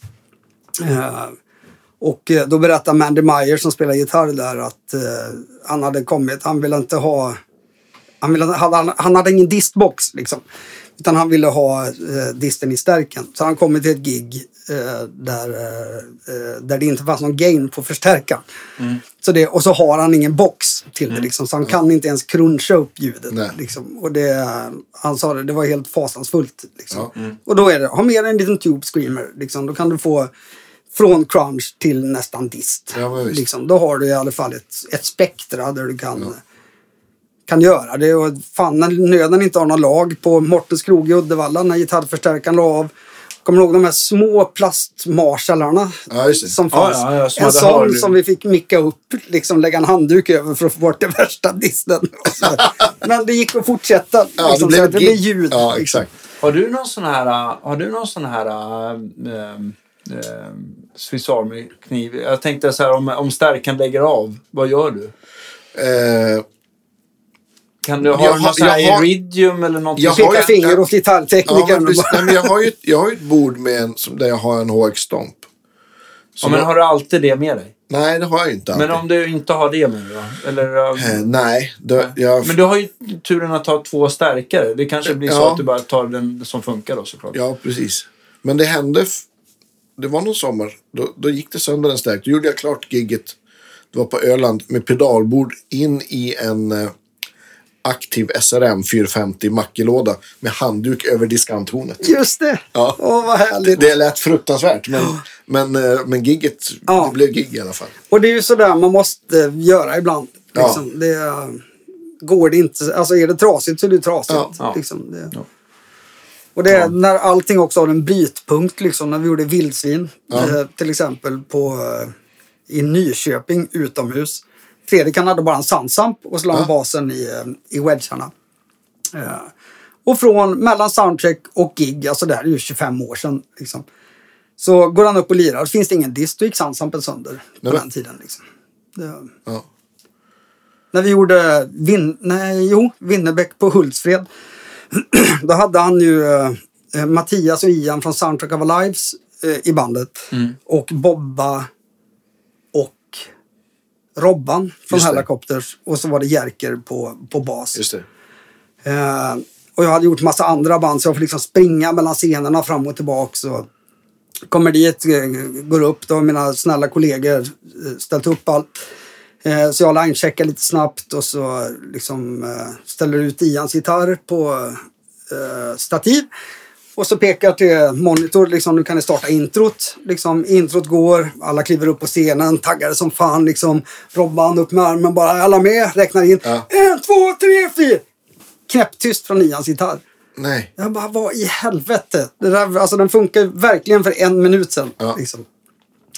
Felsöker, kommer bak, bak till stärk, då är det svart, allting sitter i. Då har säkringen bränt på, på den minuten. Ja. Liksom, som det är. Det, är det, det, är- allting går sönder så småningom. Liksom. Och sånt där brukar ju också ha en tendens att hända på inräkning på stora scen på Hultsfred. Inte på proddrep eller Nej. musikrep eller soundcheck. Utan det händer, sånt där händer ju bara i skarpt läge. Ja. Av någon konstig anledning. Det är då saker ska gå sönder. Ja. Ja, vad är det där? Vem är det som vill säga oss något? Ja, jag vet inte. Någon tycker Lägg vi har för mycket grejer. Nej, men man vill inte det där. Och, och när man har gått på det, eh, några nitar så, så lär man sig att man inte ska göra om det. Inte använda gamla stärkare. Inte använda lödfria kontakter och så vidare. Det finns ju, men det är klart att helt... Eh, helt men det kan vara skönt med en liten backup-plan ibland. Ja. Och jag tycker nog att en sån, om man hittar någon sån här, det finns ju som, jag vet att eh, MXR de gör ju såna här små eh, förstärkare Mm. i pedalformat som kanske lämnar klass D 40 watt eller någonting. Bara, men Det är stort som en pedal. Ja. Så man kan ha det och så kan man ju ta högtalar eh, sladden rakt in i den istället. Ja. Ja. Jag, jag, har en, jag köpte, hittade en sån här Eric Gales signaturförstärkare. Den är, det är en sån här halvrax, så här stor. Mhm. Den låter jättebra. Den, Ja. den, liksom, den skulle man kunna ha så här. Den kan man lägga i gitarrcasen. Liksom.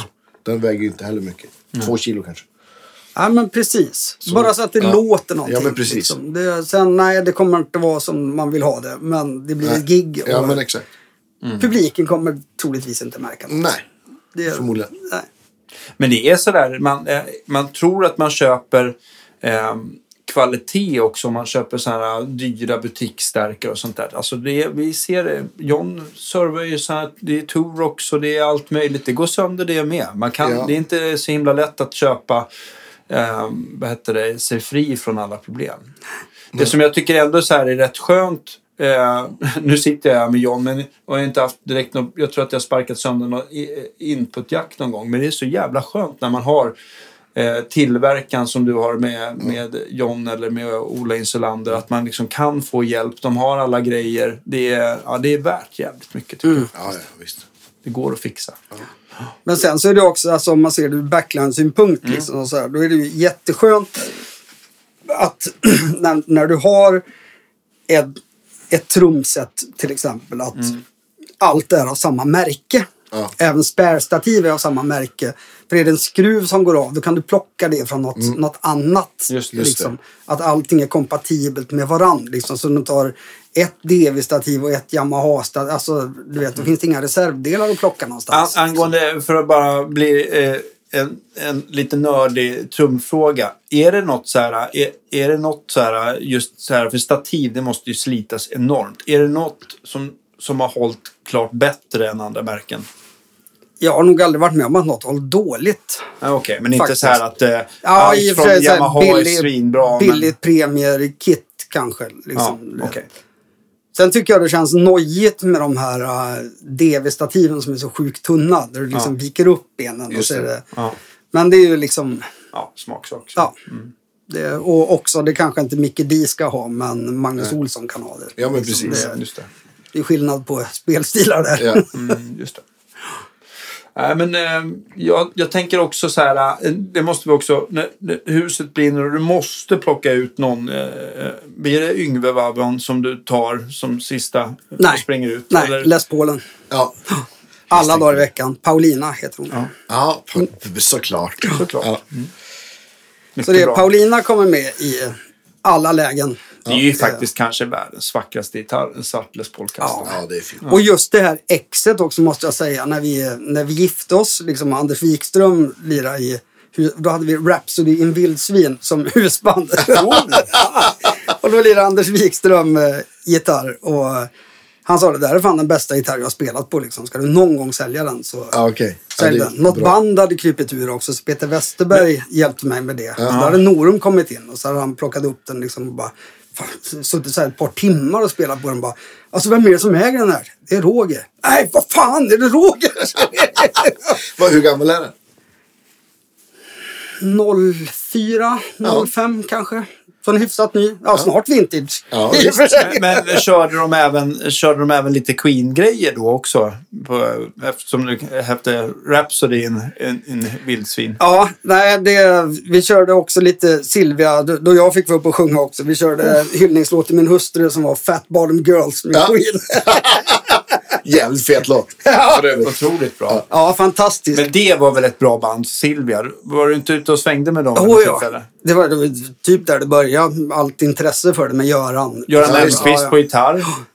Och Fredrik Tomander på bas, Thomas Wikström sjöng och Jonas Östman lirade trummor först. Och sen blev det Peter Månsson Ja. efter Jonas. lät, lät, lät, alltså jag fattar att det måste vara skitsvårt att, att axla Freddie Mercury, men bandet liksom så här, hur, hur nära originalet eh, kom de? Nära nog. Ja. Det, faktiskt. Det är väldigt analytiska personer det där. Liksom. Jo, jo. Sen var det så sjukt roligt på Vattenfestivalen, Kungsträdgårdens scen. Då var det så här att programmet var att det skulle vara någon så här eh, hästparad. Liksom så här, armén skulle ha någon så här kavallerigrej genom Kungsträdgården. Liksom. Och sen, eh, det var klockan 12 och sen klockan ett så skulle det vara Silvia. Så hade de liksom kombinerat det där. Så på programbladet så står det 12.00 arméns kavalleri, eh, hästshow i, i stan. 13.00 på Kungsträdgårdens scen. Hästen Silvia. Majestätiskt faktiskt. Roligt. Ja. Jävligt dumt. Roligt. Ja. Grymt. Stort tack för idag. Verkligen. Jättekul Fan, att roligt. Jag, jag Vi hade fattar, kunnat jag, prata i timmar känns Ja. jag fattar att, verkligen. eh, jag, jag, jag fattar att, vi, eh, att det är säkert många gitarrister som du har glömt att nämna också. Så där, så det, men eh, jag hoppas vi hann med i alla fall. Ja, det blev en bra ändå. Ja. Ja, oh ja, absolut. Nej, fan det och eh, kan lägga fram ett tips här till alla som gillar bra musik bara Ja, avsluta med. Det finns ett band i Karlstad som lirar progressiv hårdrock som heter Vulkan. Okej. Med K. De sjunger på blandar både svenska låtar och engelska låtar. Och det är så jävla bra är det. Vad kul. Vulkan. Karlstad. Karlstadband. Det är mycket Fan, jag- bra jag musik ska- från jag ska- Karlstad faktiskt. Jag ska Ja. bo i Karlstad typ fem sex nätter. Jag kanske hinner podda med någon Gör det. i april. Ja, de, alltså de är på riktigt. Det är så här, Tack, bra tips.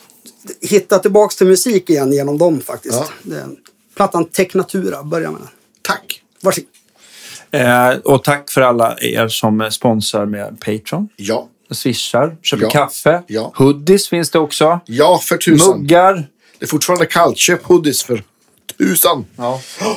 Tack så hemskt mycket. Hej då! Hej då. Ja, fan vad grymt. Tack. Ja, skitkul.